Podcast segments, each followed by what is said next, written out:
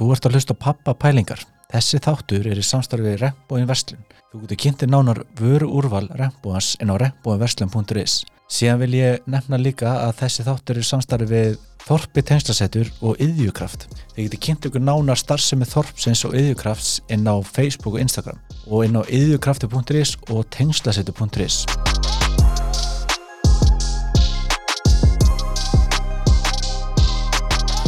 Þú ert rítöfundur, uh, ég myndi segja að vera frumkvöld, þú ert þannig fyrirlesari, búin að vinna með fullt af stórum fyrirtækjum og einstaklingum, svona live coach, ef ég er að fá þetta rétt að hluta það ekki? Jú, já, ég myndi segja sko ég finn, ég finn mér á svona milli sko. Þú getur litið á til dæmis bara live coach, þú veist eins og kannski með í áttina Tony Robbins og, og hérna og fleiri einslingum, sem getur litið á einhvern prófessor í sálfræði sem er bara vísinda kallskiluru, bara pjúr bara skrifa einhverja rannsóknir, ég finn mér svona á milli þarna einhvers staðar sko. Já, góða punktur, góða punktur, eins og þú, ég heyrti tala eitthvað um það að þú Mm. hann að þú er, uh, hvað heitir hann, Jordan Peterson, eða ekki? Jú, Já, ég hrýfst honum. af, af honum og ég hrýfst af ég hrýfst af fólki sem er að veist, það er ástaf af hverju maður er svona að færast í áttina að gera einhverja hluti sem maður eh, einhverja fyrirmyndir sem maður á út í heimi sko, sem er Jordan Peterson og ég get nefnt Brynni Brown í þessu samengi heitir já. einn og Adam Grant heitir einn og þau eru öll uh, með prófessorar í sálfræði með dóttarskóði sálfræði þau eru öll hérna með hlaðvörp öll Já. búin að gefa út bækur og með einhvers konar fyrirtæki á hliðinni hann að ég er svona, þessi einslega hrífa mig mikið og ég hef aldrei vitað nákvæmlega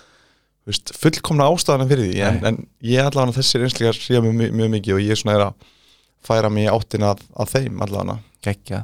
Þú náttúrulega ert í doktorsnámið, ekki? Í sálfræði? Jú, já. akkurat, akkurat. Búið með sálfræði, námið sjálft eða ekki þetta? Jú, Og- ég semst útskrifast úr BSI sálfræði Já. uh, 2000, eh, HR segi 2017 fór síðan þá í, í eh, semst mastersnám í hagnýtri uh, jákværi sálfræði og þjálfunarsálfræði Já, mér finnst það mjög forundlegt, sko, Mhm. þannig að að áhugavert, ég ætla einmitt að spyrja eftir út í það, sko, mm -hmm. jákvæða sálfræði. Mm Og hann að, eins og þú veist, Jordan Peterson og hann að, og Brenni Brown og Tony Robbins, ég held að þetta sé allt aðalega sem þurfa hvort aðra að halda, en það er ákveðis blanda, Já, maður hugsa það þannig, sko. algjörlega Þannig að þú myndir segja kannski að þú væri þá frekar svona bara, svona, veist, kannski heimspeking, heimspekingur, pælari, þú veist, uh, sálfræðingur, vísindamæður, ekki Ólafs, Já, og svona blanda kannski Brenni Brown, Jordan og Tony Robbins, eða þú veist, ég að búa til eitthvað mynd. já og ég þarf náttúrulega að kynna mér Tony Robbins miklu meira því ég veit að hann hefur margt mjög gott fram að færa sko. Já, uh, en já, ég myndi segja að ég væri einhvers konar blandan, mér finnst mjög mikilvægt að það sem ég segi byggist á einhverju vitniski og þekkingu og, og vísindum og rannsóknum og sálfræði. Mm. En síðan ennir enginn að heyra bara með þylju upp eitthvað rannsóknum í sálfræði, þú veist maður þarf líka að hafa hæfnina í að tengja það við sögur sögur sem maður heyrir eða sögur sem maður hefur upplifað eða sína eigin sögu það er meira svona listin við þetta, af því að Já. þú veist ég held að ef þú ert bara sem segjum sér live coach og ert ekki með neitt bak við það þú veist, bak við nálganinn og allt það að ég held að það sé takmarka rétt eins og að ef þú ert bara vísdamaður að gera rannsóknir að þá er það líka takmarka því veist, hver á að það er engin sem að hagnýta það sem þú hefur lært inn á til að hjálpa fólki í lífinu. Þannig að ég finnst svona ég finnst svona mikla þörf fyrir því að vera byggður á vísindum en líka vera að hagnýta sem vísindi segja fyrir sem flesta. Og það er alltaf leiðin sem ég reyna að finna út sko. reyna að ná til sem flestra, þannig að þú ert að reyna að þá veist að tekja bóksin sem flestum svo að þú geti hjálpað sem flestum kannski, veist, sem, í, með því að gera það sem þú gerir. Það má segja það já, Já. já. Þannig að þú ert ekki einblínað kannski á einhvern einn hóp sem trúi bara á vísindi. Nei, nei. Nei, nei, akkurat, ég skil, Nei. held ég hvað að tala um, skil, já. svona yfirlt er ég bara þú veist, eh, rosa mikið að tala til massan sko, í rauninni, Já, sem já. er kannski svona flóki stundum því að það er svo mikið hérna, sem er hægt að, lesa og skrifa og pæla og svona, en ég er yfirlt að maður er líka oft bara að tala við sjálfa sig sko, Já, ymmit, ymmit, akkurat. þannig að þú veist maður er líka að, að kannski að prýtsi eitthvað sem maður, ég finnst mjög mikilvægt að ég prýtsi að prýtsi, Já. að ég segja sem ég geri sko Já, og já, gera það sem ég segi, finnst það mjög mikilvægt. En að sama skapi þá er ég samt líka að þú veist, ég skrifa bækur og svona, þá er ekki bara að skrifa bækur fyrir fólk, þú veist, þetta er líka fyrir mig til þess að átta mig á mínum pælingum og átta mig á skilabóðum sem ég þarf að heyra og svo framvegis þannig að að hjálpa þér, þetta er geggjaða punktur sem þú ert að koma með. Þetta er að Mhm. hjálpa þér að skrifa bók líka. Er eins og þetta podcast er að hjálpa mér líka helling. Já, og veist, þannig að það er alltaf smá svona að ég veit ekki hvernig orða það, þú veist, ég ætla ekki að segja þetta sjálfselska Mhm. í manni sko. En mér finnst þetta að vera, þú veist, maður er að gera það líka fyrir, eins og ég er að gera þetta fyrir sjálfa mig líka. Já en, en síðan ég hugsaði þetta með, þetta er góða punktur hjá þér sko, með sjálfsælskuna er það sjálfsælst ef við hugsaðum þetta eins af því að þú veist, maður hugsa oft að maður tekur ákvarðin fyrir sjálfur er það sjálfsælst til lengri tíma? Af því að þú veist, jú, það hlustar einhver á þetta podcast. Já, það er einhver sem tekur kannski eitthvað gott úr þessu. Ég vona sem, já, ég meina, sem hún já, út 50-100 podcast eða whatever, 10-20 eða bara hvað sem eh, 300-500 bara hver sem podcast leiði þig. Já, er það þá sjálfsælska að þú hafi ákveðið það að fara að byrja að taka podcast því sem finnst þetta skemmtilegt? Af því að einhver sem hlusta dreifur svo mikla ávinninga að þessu. Þannig að sjá, oft eru sjálfselskustu ákvarðanir sem við tökum að gera það besta fyrir heiminn basically. Og þá fyrir maður að spyrja sig, er það sjálfselst? Ég held ekki. Það er langt, langt frá því þá að vera sjálfselst. Já, það er, þetta er geggjaði punktur sem þú komið núna sko, þetta er brjálega punktur, ég er að fá aha moment, þetta er gott að fá svona aha moment, látt síðan segja sko. En þetta er magnað því þá, þú veist, þegar maður tekur ég elska að taka orð og samhengi, þú veist, Mhm. sjálfselska, þú veist, elskaði sjálfaði, að þú getur ekki elskað annan um að elski sjálfaði, trú ég sko. mm Þannig að í, því meira sem ég elska sjálfum, því meira fer ég út í þægindaramónum, gerir hluti sem ég elska að gera, Mhm. sem kannski skilja það af sér auknu virði fyrir alla aðra í kringum mig Mhm. sem ef ég skilji rétt, ég tekið þetta þannig að algjörlega, þú veist, þá er þú líklega til þess að að höra ekki í það að sinna þínu hlutverki Já. finna hvað hlutverk þitt er hérna. Ymmit, ymmit, og það er að gera það eftir þína bestu getu og af því að þú finnur að þetta er eitthvað sem þú átt að gera þá, sinnur, þá er líklegt að ástriðan grípið og þú munir gera það mjög vel. Og það hlutverk skiptir öllu máli fyrir fólk. Ymmit þannig að sjálfsælska ákvörðun gerir henni að máli deilum hvort það sé sjálfsælst af því að, eins og ég sagði já, þá tókst það bara mjög vel saman að okkar mest sjálfselskustu ákvarðanir er oft ekki sjálfselskar þetta er Þetta er magnaða búndur sko. Ég er að fá alveg risastórt en aha moment sko.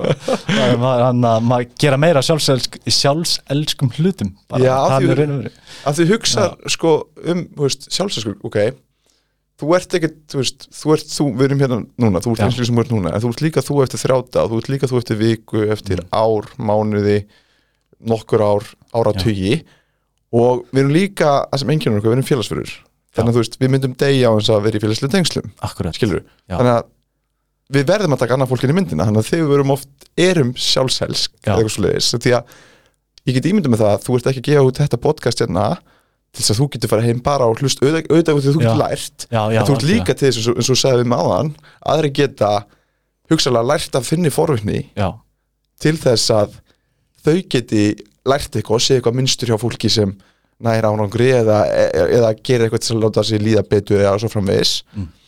þannig að það er úkslega mikil virði fyrir fólki sem er að lusta nákvæmlega, nákvæmlega. Þannig að þetta byrjaði þannig hjá mér sko, Mm. Algjörlega. Þegar ég, mér var gefin þessi hugmynd þú veist, það hjálp mér að fá þessu hugmynd. Mm -hmm. þú veist, að deila forvindinni með ykkur miðli. Já, þannig prófum þennan miðl algjörlega. Og þannig það er geggjað veist, og, og náttúrulega áhrif að valdar eða veist, áhrifin annar stað frá eins áhrifin frá þínu podcastu það sem þú ert að gera hafði áhrifin náttúrulega á mig og aðra Mhm. til þess að gera eitthvað svipað eða svona aðra hlut til þess að áhrif áfram. Þannig þetta er svona svona uh, snjóbóltáhrif basically Já. þannig að þetta er, er brjálaslega góða punktur sko Mhm. þannig ég, ég djöðlir án að hann að hafa sagt þetta geggjað. ég er með glósisbókina mína ég er að berja sér sjálf með vera ekki með að skrifa allt niður sko Nei, en þannig að þetta er geggja punktur en þannig að þannig en ég ætla að spyrja þannig að ég ég er með nokkra spurningar mm. Og eins og þú ert búin að sjá ég er ekki búin að horfa einu sinna á þær. Þannig ég er að reyna að prófa mig áfram veist, ég sé fram á það ég muni bara vera svolítið kannski fram og tilbaka með spurningarnar Já. bæði bara til þess að kynnast þér til þess að fá að þú veist forvinnum bókina þína og það sem þú ert að gera mm og líka bara svona kynnast þínum skoðunum þú veist, og þannig að með okkur að þú veist ef þú myndir lýsa sjálfur ég var að reyna að lýsa þér áðan Já. en með okkur svolítið að heyra hvernig þú myndir lýsa sjálfur. Mm bara svona, já ég ætla að segja stuttum orðum og það er ekki verið stuttum orðum sko. Nei, ég myndi bara lýsa sjálfum mér sem einlegum einstaklingi sem er að gera sitt allra, allra, allra besta í það að hafa góð áhrif á aðra í lífinu og að samanskapa bara en að hámarka sem í mér býr af því þá get ég haft ennþá betri áhrif á annar fólk í lífinu af því ég trúi að það sé sem sagt, hvernig við eigum að lifa lífinu. Ég tel að, að við því að það býr svo mikið í öllu fólki býr miklu meira í fólk heldur en að gera sér grein fyrir og fyrir mér er verkefni mitt að hámarka sem í mér býr og að hafa góð áhrif á aðra leðinni að því ég held að það, sé, það gerir heiminn að betri stað. Þannig að fyrsta lega er ég bara einlega nýstlíku sem er að já, hámarka sem býr í sjálfum mér og hjálpa öðrum að gera það sama. Síðan er ég bara hérna ég myndi segja að ég sé trúr sjálfum mér ég sé ástriði fullur sé hugrakkur uh, að ég sé vinni vinni manna að ég sé að ég vilji fólki vel. Ég held ég vilji fólki vel og hérna og hef einlegan áhuga á því að þú veist hjálpa fólki. Það er eitthvað sem drýfur mig áfram.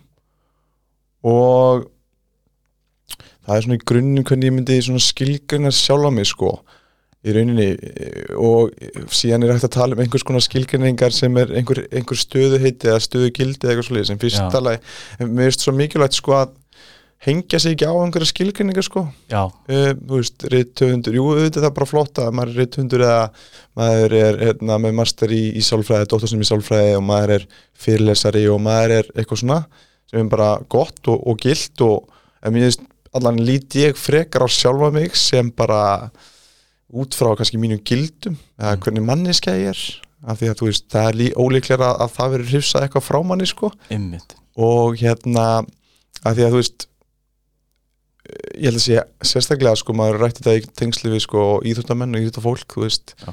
var þetta að fara að hengja þetta á sjálfsmyndinu sína hvað maður gerir sko. Þú veist eins og ég er fótballtamaður skilur já, já, eða ég er veist, og, ekkert með neitt annað hvað gerist þá þú ert ekki fótballtamaður já, mér finnst þetta mjög góða punktur sko, Mhm. mjög góða punktur. Þú veist hvað gerist eftir og hættur að vera fótboltamaðurinn? Mm -hmm. það er svo magnað að heyra, þú veist að hann hefur alltaf haft þess, þennan, þess ástriðu, þú veist, fyrir fólki og að þú varst í fótbolta mhm. og þú varst, varst til, þú varst búin að vera fótbolta síðan varst bara lítill eða ekki? Jú, bara síðan 6 ára gamall vissur alltaf að þú myndir fara þessa leið Nei, hvað Nei. er góð hvað gerð, eða þú veist þannig að ekki hvað gerist, eða hvað var til þess að þú fóst þessa leið? Þú hann að ákvæmst að hætta í fótbolta og fara síðan út í það að hjálpa öðrum að hámarka sinn árangur og já, Mhm, Þetta er mjög góð spurning en hérna ég valdi sálfræði fyrst bara af því að það var bara skásta sem ég gæti valið já, basically. Og það var ekkert línulegt ferðli upp því. Ég byrjaði í HÍ og hætti og fór síðan HR árið eftir og, og þetta var bara svona allt í lagi. Það var bara sálfræði að vera allt í lagi. Og ég er alltaf var ennþá að stefna að vera aðdurum í fótbolta á þeim tíma. Já. og hitt var alltaf bara svona auka og, og hérna. Síðan fer svona er verið hérna Íslandsmyndir með FA og, og kemur nýr síðan þjálfar hennan tveim árum eftir á og þá er ég orðin 26 ára, 7 ára gamall þá fer svona að dvína aðeins fyrsta lagi bara eftir að maður þroskast þá fattar maður að, að fleira skiptir máli í lífin heldur en bara Já. svo eiga vera í góðu sambandi með maka sinni, eiga vini og fjölskyldumælimi og það er alltaf sem lífi snýst um.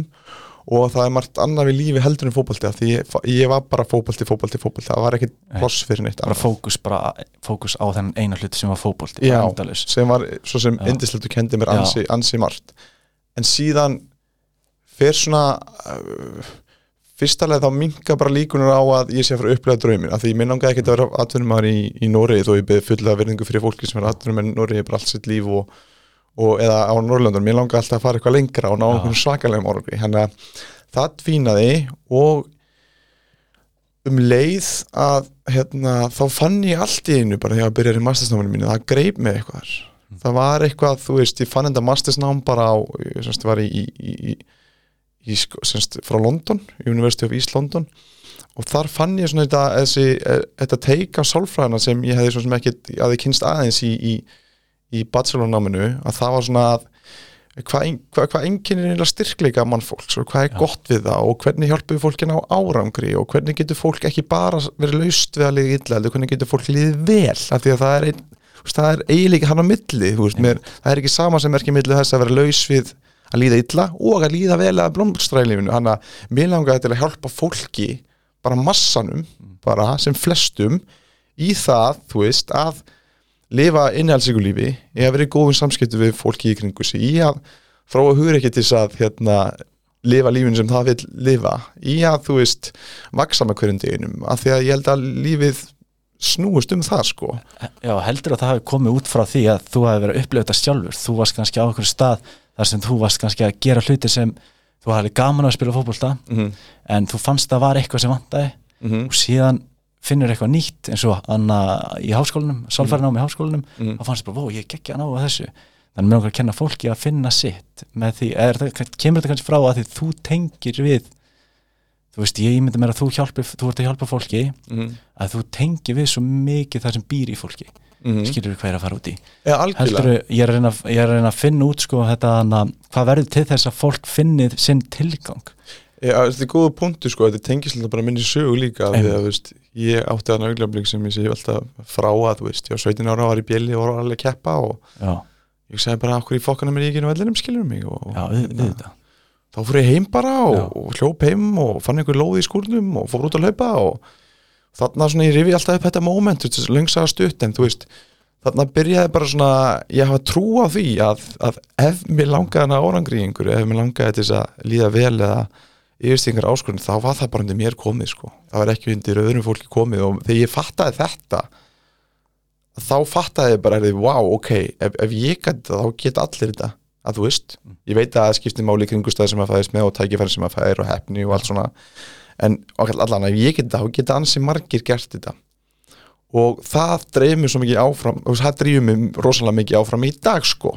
Akkurat, og síðan kannski þessi ákvörðun líka að því ég tala um sko að finna að lifa einhælsíku lífi að finna tilgangin eitthvað leiðis að þá var það svolítið afmarkandi ákvörðun hjá mér að hafa hægt í fótbolta til þess að fylgja mínum sannleika og sem var að gefa mér virkilega mikið. Að því ég fann þegar ég var að spila fótbolta að ég náði ekki, mér fannst mér fannst mínu hlutverki eða það sem ég gætt fært bara fólki og heiminum mér fannst ég geta gert það með miklu meiri vikt myndi ég leggja alla mína orku í sálfræðan og hjálpa fólki. Já. og ég vissi að ég myndi gera það, það myndi eftir nokkur ár það myndi það skila sér í, ég myndi ná auknum árangri þar. Og það var svona önnur ákvörðin á ég að vera að festast í því sem ég er góður í búin að vera að verja ógeðslega miklu tími að vera góður í og halda áfram og bara vera ágætið samning og halda áfram og vita að ég næ bara svona þokkalega árangur hérna í Íslandi. Já, ég langar mér að keira á hinn vettvangin sem ég fann að var að grípa mig á þeim tíma og var að kalla miklu meir í mig því alltaf ég var á æfingu var ég bara að hugsa um fyrirlistra já, það alltaf ég var ok. æfingu var ég að hugsa bara hvernig er þetta búið svo ég geti vera að lesa það, skrifa það, pæla? Og það er nefnilega máli þú talar um sko hvernig maður finnur tilgangin ástriðuna, hvað sem við viljum kalla þetta þá er á því að þú sko hún kemur ekkert allt í einu frekar svona skapar hana sjálfur. Að, þú sko hvernig get ég orðað þetta, hún kemur ekki bara allt í einu svo hérna er ástriða mín, allt í einu bara ég er búin að leita þess allt mitt líf. Heldur vinnur í rauninni fyrir henni til þess að eitthvað umkvörnir grípu þig? Og, og ég ætla að reyna að útskrifa þetta aðeins af því að sko þú getur ekki valið hverju hefur ástriði fyrir. Ég get ekki sagt við hérna ert að lesa eitthvað leðilega bók og sama hversu mikið leið með það baki að lesa bókina þið finnst þú bara leðilega og það er bara mjög erfitt. En, en síðan er eitthvað lendur í einhverju og þú lest eitthvað bók allt innu grípur þig. Þannig að hvort stjórnar þú hvort þú hefur áhuga á bókina eða bókina stjórnar hvort þú, á, að þú hefur áhuga á sér. Þannig sem Já. ég er að segja að tók mig þrjú hálft ár að láta eitthvað grípa mig við sálfræðina skilur mig. Og, og þess sko sko að þú, þú, þú, þú skapar hana í staðinn fyrir að hún sko komið komi til þín á þess að þú gerir neitt í því. Þannig í rauninni sko þar, þess vegna það maður alltaf að prófa nýja hluti og ég vil prófa nýja hluti í langan tíma og, og ekki loka á það bara, heyrðu, ég er þessi mannski sem þessu ný vinna eða eitthvað nýtt sem maður vil gera, ég fíldi ekki þú veist, prófa Já, þetta, já. Sjáðu hvort að þetta sé eitthvað og prófa þetta eins og oft, skilur og sjáðu Já. hvort að eitthvað hann muni grípa þig, skilur þú ert að koma frábæra punktana þú veist að, að, að, að prófa nýja hluti og halda áfram Mhm. þú veist eins og Anna, ég hugsaði þú veist eins og með podcast ég hugsaði ef þetta gengur ekki upp, ef ég fæ ekki x marga hlustendur eða hlustanir á podcastið þá ætlum ég bara að gefast upp mm. svo ákvað, nei veistu, ég ætla að prófa að gera þetta í x langa tíma. Já. á þess að fylgjast með því að því ég hef svo gaman að þessu. Já, en, en í staðin fyrir þú veist í hana í einu sinni þá kannski prófa maður nýja hluti. Það er engin annar gríp, að taka undir það sko. Mm mér finnst alltaf læg gaman sko. Þannig að því aðrir eru ekki að fylgjast með því eða gera eitthvað mm. sem uh, til að hvetja mann áfram þá gas maður alltaf upp, skilur er það? Í staðan fyrir að eins og þú ert að tala um þú helst áfram í þrjú og allt ár þú veist, ef maður heldur ykkur áfram í smá tíma þá kannski að þú hefur raunverulega áhuga á því mm þú, hafði greinlega, þú hefur greinlega brjálan áhuga á því að pæla í uh, bara mannlegum eiginleikum, ég veit ekki hvernig orða þetta betur þú veist, Mhm. bara í sálfræðinu og öllu því -hmm. en í leiðinni hljóma fyrir mér eins og ef ég skildi rétt sko Mm í fótboltanum það hefur kannski verið meira svona áhugamála auðvitað -hmm. en hann líka svolítið öryggi Já, Eða hvað? Þú þekktir það svo vel. þannig óvissan, þú fórst hann út í óvissuna en ég, ég er svolítið forvitan sko að vita þannig að það eru tvo valkosti þú þurftur að velja á milli. Mhm. eða er, ef ég skilir rétt. Mm. eða þurftir þess kannski ekki? Þurfti þess ekki. En, Já, það má deilum hvort já, þurfti þess ekki já, sko. einmitt, einmitt, en þú hefði getað sko farið og þessu og haldið bara áfram boltanum eins og segir og farið bara út í, þú veist farið til Þýskalands, var ekki Þýskaland sem hún nefndir hann á Já, nei, ja, ég geta bara haldið áfram á Íslandi, Íslandi já, bara og verið bara- mákvæmslaun akkur um ákvæmslaun og bara svona í örygginu. Já, en hvenar hefði sálfræðin gripið seinna, þú veist ég er að pæla þú hefur haldið áfram, svo ertu hún 50 mm. og þá hefur kannski, ah, herru, ég ætla bara að fara í þetta núna ég held að hefði alltaf gripið, já, já fara? hún, hún, hún var alltaf að byrja að grípa mig Já. ég var í akkurat þá var hún alveg búin að grípa mig já, eins og sko. þú segir á, þú varst alltaf að hugsa um þú alltaf já, já, þannig að þú veist það hjálpaði mér náttúrulega að taka þó hún var okkur slerfið að þú veist, ég bara vissi og þetta er svo góða punktur sem þú kost með aðan sko. þú maður er eitthvað að gera eitthvað sem maður hefur sjálfur áhuga á og maður er ekki að pæli í, þú veist hvort aðri sé að horfa eða eitthvað svona ytri velun þú veist, eins og hlustanir eða í peningar og svo sko, framvegis. Já, já, já, Já. En, en það er góð skilabóð að, að það sé eitthvað sem tengist þínu áhuga svo ástríði Mm.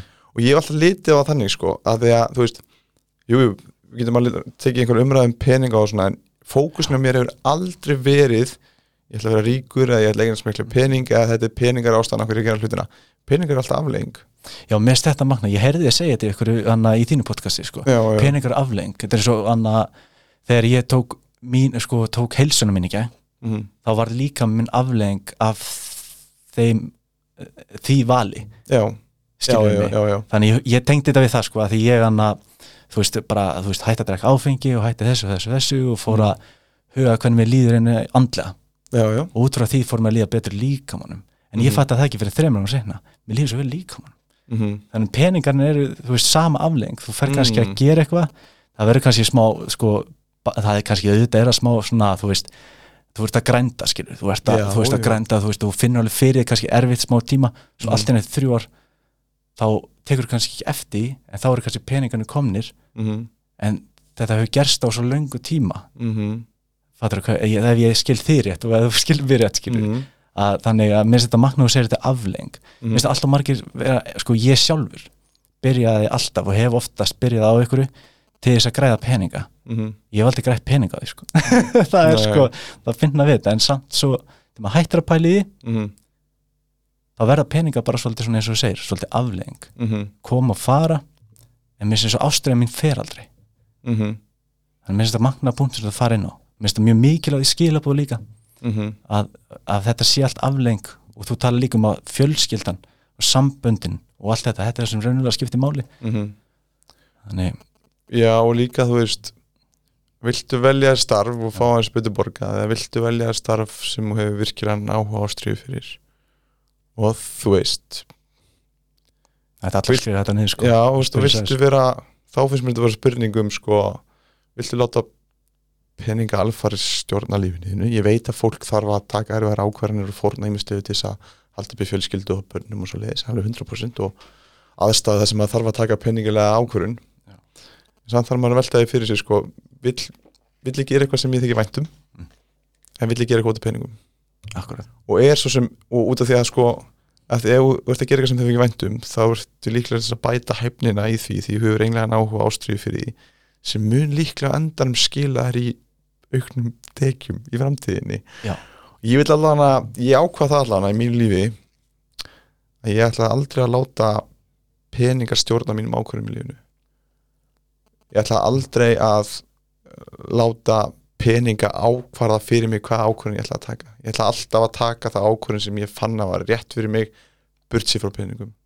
Bara eitthvað sem ég langaði að gera eitthvað sem mér þótti væntum, eitthvað sem ég hafði ástriði fyrir og ég hef, ég fylgti þetta ennþá svona í dag sko. þetta er svona viss, þetta er rosalega viss og mikið sjálfströst líka á sjálfa sig það hljóma fyrir mér þannig, þú veist Mm. þannig er maður komin á annar stað, maður bara tristir sér til þess að gera hlutina sem maður hefur ástriði fyrir Mhm. að þú líka nefndir hann í byrjun þú talar um það að það er að taka þú veist, það er aldrei að taka frá því hver þú ert mm en þú veist, doktorsnámið, sálfræðin allt þetta, þetta er svona þetta er ert ekki endurlega þú og þessu peninganir -hmm. tekið allar peninganir burtu? Mm en aldrei að taka frá, því, frá þér hvað þú ert orðin og hvað þú ert. Nei, þannig að þú veist, mér þetta að vera magnar eiginleiki eða svona persónu eiginleiki eða þú veist ég meina við séum öll svona skilur en við getum eftir okkur í því að mér þetta að vera svona rétt þetta þetta er svona viðhorf, þú veist, þú ert með viðhorf gammart lífin á þennan hátt skilur mig, orða það en mér þetta mjög heilbrygt mhm, og ég fann sjálfur náttúrulega mikið mun að ég fara að hugsa svona sjálfur. Þú veist, börni mín til dæmis, þau eru ekkit hamingisamari þótt við eigum meiri penning Nei, þau eru miklu hamingisamari þegar ég lesi risælu bókina fyrir strákjuminn á kvöldin. Já, þú nákvæmlega veist, og gefa mig tími í það. Mhm. í staðan fyrir að gefa mig tími að taka aukavinnu. Já, þá er nákvæmlega. ég ekki að lesa risælu bókina fyrir strákjuminn Það er að missa upplifið með banninu og, og hérna, við vitum að þú veist ég held að veist, fjárhags áhugjur og svona, þau, þau spila eitthvað spila alltaf hlutverk í okkar vanlíðan sko, en svona sko, peningar umfram eitthvað ákveð, þetta er reyndar búið að vera margar rannsóknir fram og tilbaka, maður finnur alltaf einhver rannsóknir stangast annað, en það var eða talað um eitthvað 10 miljónur árið eða eitthvað, það hættir hamingjan að e, nei, það hættir peninga að spila inn í hamingu, síðan var einhver önnur rannsókn sem sagði það að það stuðlaði ennþá að hamingu en síðan fyrir eftir því hvernig já, hvað að eigði peningunum í og allt það sem Einmitt. þetta en þetta spilar minna inn í hamingi okkar heldur en þetta sem sagt, heldur en fjárhagshag áhugjur spila inn í vanlíðan okkar basically. Já, akkurat. Þannig að þú veist, já. Ég, ég sammála þessu sko, bara persónulega þegar maður hefur verið á báðum stöðum sko, já, já, já. sjálfur, þannig að já, þetta er geggjaði punktar sko, ég er að fá hérna aha-moment eftir aha-moment sko, ég var mjög sem gott sko, skrifar það bara niður eftir podcastið ekki? ég verð að gera það, ég klálega, ætla að gera það líka. Það ekki?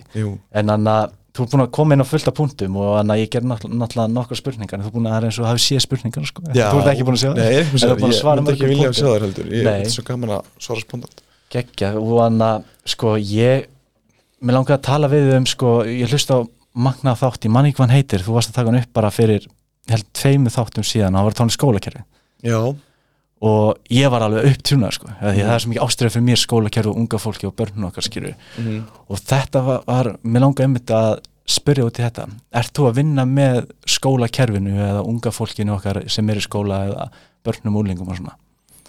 Um, sko, já ég er svo sem að gera það. Ég er að vinna hérna í svona búin að vera undarfarna mánuði að hérna vera að vinna með rannsakatum sem eru í með mikilvæg verkefni í, í skólakjörinu sko. Og hafa sitt að segja í skólakjörinu Já, þannig ég eitthvað, hef eitthvað verið í því já, já, ok, frábært. Verkefnum já. Já, hvernig finnst þér það? Hvernig finnst þér, þú veist, sérðu, eitthvað, sérðu árangur, sérðu breytingar og þú veist, það sem ég er leitast eftir er að hann að sko, mér finnst mikilvægt að fá þú veist, mér finnst að ég bara tala út frá hvað ég, þegar ég var í skóla það er náttúrulega ekki langt sem ég var í grunnskóla ég er 26 Mm og hann að sko, ég er að ímynda mér að fá einstaklingar eins og þig og aðra fleiri sem eru líka að hafa svona góð áhrif og eru svona fyrirmyndir, að fá þá inn í skólakerfið með þessar pælingar sem þú ert með og aðri líka -hmm. og þessar hugmyndafræði þú veist um að innihaldsrikt líf Mm Þú veist, mér finnst þetta að vera nýtt orð -hmm. þú veist, yfir í staðin fyrir að elda hamingju þú veist, heldur en að lifa, inn, frekar að lifa innihaldsríku lífi. Já, já, að úlingar og börn bara eh, frá leyskólaldri fá að heyra þessi orð þú veist, það er þess að stimpla þessa hugmynd inn í börnin. Mm þú veist, hvað er að lifa innihaldsríku lífi og þú veist, allt sem kemur fram í bókinni -hmm. og næstu bækur sem mynd gefa út örugla en að, þess vegna er ég að spyrja spurningu hvort þú sért að halda fyrirlestra fyrir úlinga Já, og, hvernig, já, þeir, hvernig grípa úlinganir í það þegar þú kemur? Er er þeir uh, já, Þetta er góður en já, ég var svona já, já ég er, semst, er búin að vera halda Já. fullt af fyrirlesturum í, í fyrirúlingadeildir ok.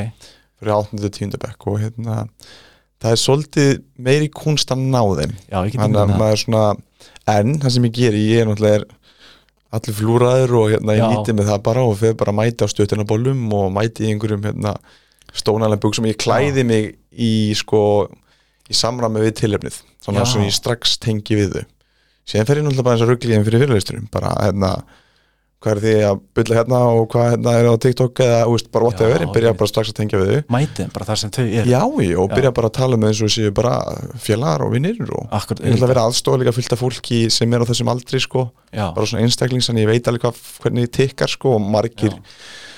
Gríðarlega margir fóldrar sem hafa hérna senda mig og, og, og, og krakkin þeirra, eða barnið þeirra hefur komið, komið til minn og, og ég tengi sérst, við erum svolítið í, í milliveginum, Vi, við Já. tengjum bæði við eldra fólkið og, og, og líka yngra fólkið núna, sem Akkurat. eftir einhver ára munum við ekki tengja yngra fólkið eins mikið einmitt nákvæmlega nýta þennan tíma. Já, hann er að ég, mér finnst ógæslega mikilvægt að ná þeim og, ég næði þeim oft með svona sögum. Já, þegar sögur gríp okkur sko þegar ég segjum sögur þá bara dzing, aðeglinn sko. Já, síðan er ég náttúrulega búin að drilla þetta bara rosalega oft. Búin að, þú veist, halda einhverja 120-30 fyrirlestra og þá ferðu svona að fatta að ákveð þetta virkar hérna hjá þessum úlingum og svo framvegis. Já, og það sem úlingar uh, koma veist, til mín eftir fyrirlestrun og svona og, og hérna, auðvitað er maður mikið að planta fræjum. Já, og auðvitað er ekkert allir hana sem eru hlusta endalust en ég, maður tekur eftir því þegar bara það er grafað þögn þá er maður að tala um eins og innhalsislíf og maður er að tala um ábyrð þetta axla ábyrð þá er grafar þögnin í salnum. Það er það. í símanum, það er enginn að gera neitt það er allir að hlusta, vanlega svona tvö, tvö, tvei þrjir hausar að svona og- kringa kollinum og stundu fæði maður einhvern rosa æstan engsling til, man, til manns eftir fyrirlistunum bara, wow þetta var alveg geggjaði fyrirlistur og ég ætla að fara hérna, bara lifa einu sig lífa, ég ætla að fara ég ætla að fara að sæta að sóa tíma og ég ætla bara að fara að byrja að bæta mig og, og svo framvegis þannig að sko og auðvitað vona ég að sé ennþá mér í flæði sem plantast, plantast en, en hérna mér stjórnum það góður að ég allavega þau skilabóð sem ég trúi á að ég næja miðlaðum til þeirra síðan segi ég alltaf það, þeir, það er þeirra ábyrða taka sem, eitthvað sem ég segi og innlega það í sitt eigi líf. Einmitt, en fólk, ungt fólk tengir við þessi skilabóð það er bara frá- frábært að heyra það sko. Mjög gott að heyra það og þú veist, sérstaklega þetta eins og með að býði eftir haminginu sem þú rættur um aðan sko. Að þú veist, ef maður alltaf eldastu haminginu þá náttúrulega fer hamingin svo sem í andukörnu sínu og verður aldrei hamingisamur því hún er alltaf einhvers þar handan á hóðnið sko. akkurat, þegar veikin. Já, þegar veikin. og hérna, já, á, Guðnir Gunnars já, hann er náttúrulega legend in the game. En þessi bara skilabóð til þeirra sko. Já, þá verður þau bara svona, já snýst ekki um að býði eftir að klára prófin eða ná markminu sín eftir þrjú, þú veist eftir íþróttatíman eða eftir skólan eða whatever, þetta snýst ekki um að býða eftir þessum augnablikum, lífið er allir þessu erfið augnablik og ég, það sem Já. grípið okkar sem líka, ég er líka að tala bara íslensku með að lífið er erfitt sko. Akkurat, mist, það, já, mist þetta mjög mikilvæga punktur líka. Já, þú veist, þú ert ekki að, þú ert ekki að tala og fegra hlutin, þú ert ekki að planta einhverjum, ég segja bara beint út þú ert ekki að plant- planta einhverju bulli. Nei. þú veist að því lífið er erfitt veist. þannig að það er, veist, frábært og þannig að því ég man alveg eftir þegar ég var úlingur Mm. eða kom einhver sko uh, bara Mr. Yes Man sko. Já, mæta á svæði, ég bara ok, ok, er þetta svona? Svo gatt maður þetta ekki sjálfur sko. Þú veist maður bara ok, hvað er á mér? Já, nákvæmlega. að sjá hetjuna sínar mistakast og mistakast og mistakast síðan allt í einu ná árangri mm. en sína samt þessi mannlegheit Já, algjörlega. Það er, þú veist, að því í au- augum úlingana þá ert þú standaðan upp og ert fyrirmynd þeirra mm þess að finnst mér þetta svo magna hvernig þú talar um að mæta um þar sem þið eru. -hmm. þú veist, og tala þeirra tungumáli þú veist, ég má segja það skilur og, og allt þetta, mér finnst þetta mjög mikilvægt. Já, það er svona annað, gott að heyra að þú sérst að gera þetta og fara inn í skóla og algjörlega Og- og það er heldur, það er kannski líka maður, þú veist, eins og segir ef, ég væri bara jámaður og, Já. því ég segi, veist, tala, já, ég tala oft um, þú veist, kvíða og óta við, við börnina því að, að unga fólki okkar, ekki börn uh, að, þú veist að hvað er all sem allir upplifa skilur, Einmitt. ef maður segir, ef einhver upplifa kvíðavæðin það er rétt upp allir hönd. Og þá segi ég alltaf að það sem er ekki rétt upp hönd það er að ljúa akkurat, akkurat og sem segi ég kannski bara frá því ég er kannski upplifa venlega kvíða í lífinu eða því ég upplifa kvíða sem er ná tímin eða whatever. Þannig að þegar maður berskilda sér kannski þau svona, wow, ok, hann er upplifa kvíða líka. Það sé eiginleikin sko þegar lífið, segir, lífið er brærvitt og ef maður já, er alltaf bara lítandi út fyrir það að maður sé jákvæður, að Já. það sé toppmálum maður sé með allt á hreinu það er einhver svona það er einhver söluvara sem bara virkar ekki sko. þú, þú, maður tengir ekki við það sko. en maður tengir við þetta, hennan, skít basically ja, við, við, við, þessi mistök við þessi meina, sársöka við, við þetta sem fylgir því að vera mannljur er við tengjum við og nákvæmlega. þegar maður, allan í mínu tilviki eitt sem ég lærði af Brynni Brán eða sinna bókina Dare to Lead sem ég mæli eindreið með að lesa sem vilja vera leiðtúar í sínu lífi ég lærði því svolítið að berskjálda mig og bara vera Já. gjössanlega fylltislaus sko. þannig að hvert sem ég fer ég er bara ég og hvort sem ég er eiga góða tíma eða slæma tíma ég bara og, og, og eitthvað sem ég gengi í gegnum og sem ég reyndi að gera í bókinni líka ég reyndi Já. bara að vera rosa rár Já, maður maður finnur það líka, maður heyrir alveg í þér þegar maður, þú veist, er að þú veist, hlust þótt að sé, þú kemur inn á milli í bókinu sko, Já. og segir frá kap, köflun já, í hennar Í- stóru til í, í Storytel, já, já, ég hlust að Storytel sko, og þannig að maður heyrir samt alveg þótt að hinga þessi að tala sko, Mhm. mann ekki hver það er. Já, en þannig að maður heyrir samt að þetta frá þér. Og það er ekkit marga bæku þannig, jú, Will Smith bóki sem ég lesa núna, já, hún er pjúra Will Smith sko, ok. sem er alveg magna. Já, en þannig að þetta finnst mér góða punktur og þú mætir dyrun eins og ert. Þú ert Mm. ekkit að hugsa um álit annar. Þú ert frekar að, að passa upp á sjálfa þig Mm. svo þú getur verið til staða fyrir aðra að geta ímynda mér. Já. Og, og þetta er góður eiginleika og ég er að þróa hana eiginleika með mér að því ég grýp mig að setja upp grímu mhm, þú veist, bara hér og þar en ég held að það sé svona byrjun að þú, uh, þú ert að gefa leifi til úlingana, þú ert að gefa þeim leifi til þess að vera þau sjálf. Í, í, ef ég er að sjá þetta rétt. Mhm. Að, já, þannig að nú dætt ég út, nú fór ég að Já, bæla, bæla alveg út sko. Já, en þú með bara góðan punkt, Já. þú ert að gefa þeim út að, opna, út að berskjálda og þeim að berskjálda sig, skilur Mm. sem er svona, berskjaldin er svona ævafór tilfinning og, og reynir brána þess að útskýra, til bókinu sem þess að tilfinning sem við upplifum þegar við þegar ekki óvisa, þegar við tökum áhættu eða þegar við erum að berskjálda okkur tilfinningarlega er ekki Brynni Brán með TED fyrirlistinu fræga Jú, sem, jú þá ok, nú er ég að tengja hún nú er að algjör drókning já. sko og hérna, hún tala mikið til mín sko. Og þessi bók tala allan að sérstaklega til mín sko. Lít, já, Já, en, en um leið og maður berskjálda sig að það er alveg sama hugur ekki? Af því að það er ekkert sem, sem er, er, er hérna, skilgjönd sem hugrætt sem er laust við berskjöldum eins og ég var að skilgjöna á hann ég myndi segja að það er mesta hugur ekki sem sem til er sko. Já, og þess vegna er, þú veist, það er ástæðan veist, þetta helst saman í hendur, það er ástæðan þess vegna er þetta hugrætt af því að Já. þú ert að berskjálda á einhverja vegur taka áhætt stundur, stundur fram fyrir óvissu annars væri þetta ekki hugreiki en það væri þetta bara eitthvað sem allir myndi gera. Akkurat. en það sem ég hef að lært allavega að berskjálda sig það lætur fólk skilja þið betur. Fólk tengi við þig af því að við teng þú getur loðað því, þú ert með ótrúlegustu vandamál sem heldur að enginn hefur eða tilfinningar eða hugsanir eða pælingar. Það var allir að upplifa þetta já, og miklu, miklu, miklu oftar og meira heldur en þú gerir grein fyrir. Og miklu nánara fólk heldur að gerir grein fyrir. Þannig að þegar maður opnar sig við aðra þá er alltaf þau bara já ok, hérna er bara einstaklega sem ég má opna mig á móti við skilur já, þú ert emmi, þú ert að opna fyrir rýmið einhvern veginn, búa til þetta rýmið þannig að aðri geti opnað sér líka einhvern veginn, er, þú meina það? Já, Þú veist ég að meina ég algjörlega Algjörlega, Já, ég meina já. þú veist, þú varst, ég sá varst með hérna svona áramótapælingar í síðast þætti. Já, já, já, um daginn, einmitt, sem ég veit akkurat, ekki hvernig þessi kemur út en, en þá er einmitt sko, er ég búin að taka núna sem ég mæli með, ef, ef þessi þáttu kemur á út af árinu, að taka hérna hápundar og lágpundar ásins, ég veit ekki hvort þú varst já, með það þér hábundur, lábundur Já, ok. okay. bara í vinahóp já, og hérna það færi fólk rosalega mikið sérstaklega ná- nápundurinn sko og, og ef maður já. berskjala sig bara einhver, eitthvað, eitthvað, augnablik eða einhver Já. tími sem þið fannst bara svona lágpundur ársins já, og ég hef allan að opna á bara svona, þú veist einhverja lágpunta og, og, og, og þegar fólk opna sig þá, þá opna fleiri sig og fá stuðning frá öðrum og það myndast bara miklu nánara samband og samskipti sko. þannig að þetta er eitthvað sem maður getur gert bara til dæmis bara með fjölskyldu Já, fjölskyldu sinni, já, tekið bara ring og bara tekið hábúnd og lábúnd sko. fyrir jólamatinn.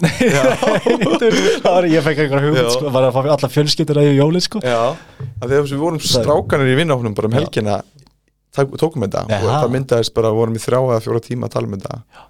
Mér finnst þetta myndi vera að breytast. Þú veist, þess að strákahópar séu einhvern veginn að verða innlegari Já, og vinasambönd innan, þú veist, að við höfum ég tenk, ég er bara nýlega komin í þennan pakka. Mm þú veist, ef þú hefði hitt mér fyrir tveimur árum síðan, þá ætla ég að vera trúð þá myndi ég örugglega vera trúðurinn inni já, og reyna að gera cool og þá væri ég gett aðstæðlega sko. En, í staðin fyrir að berskjölda sig skilur en Mhm.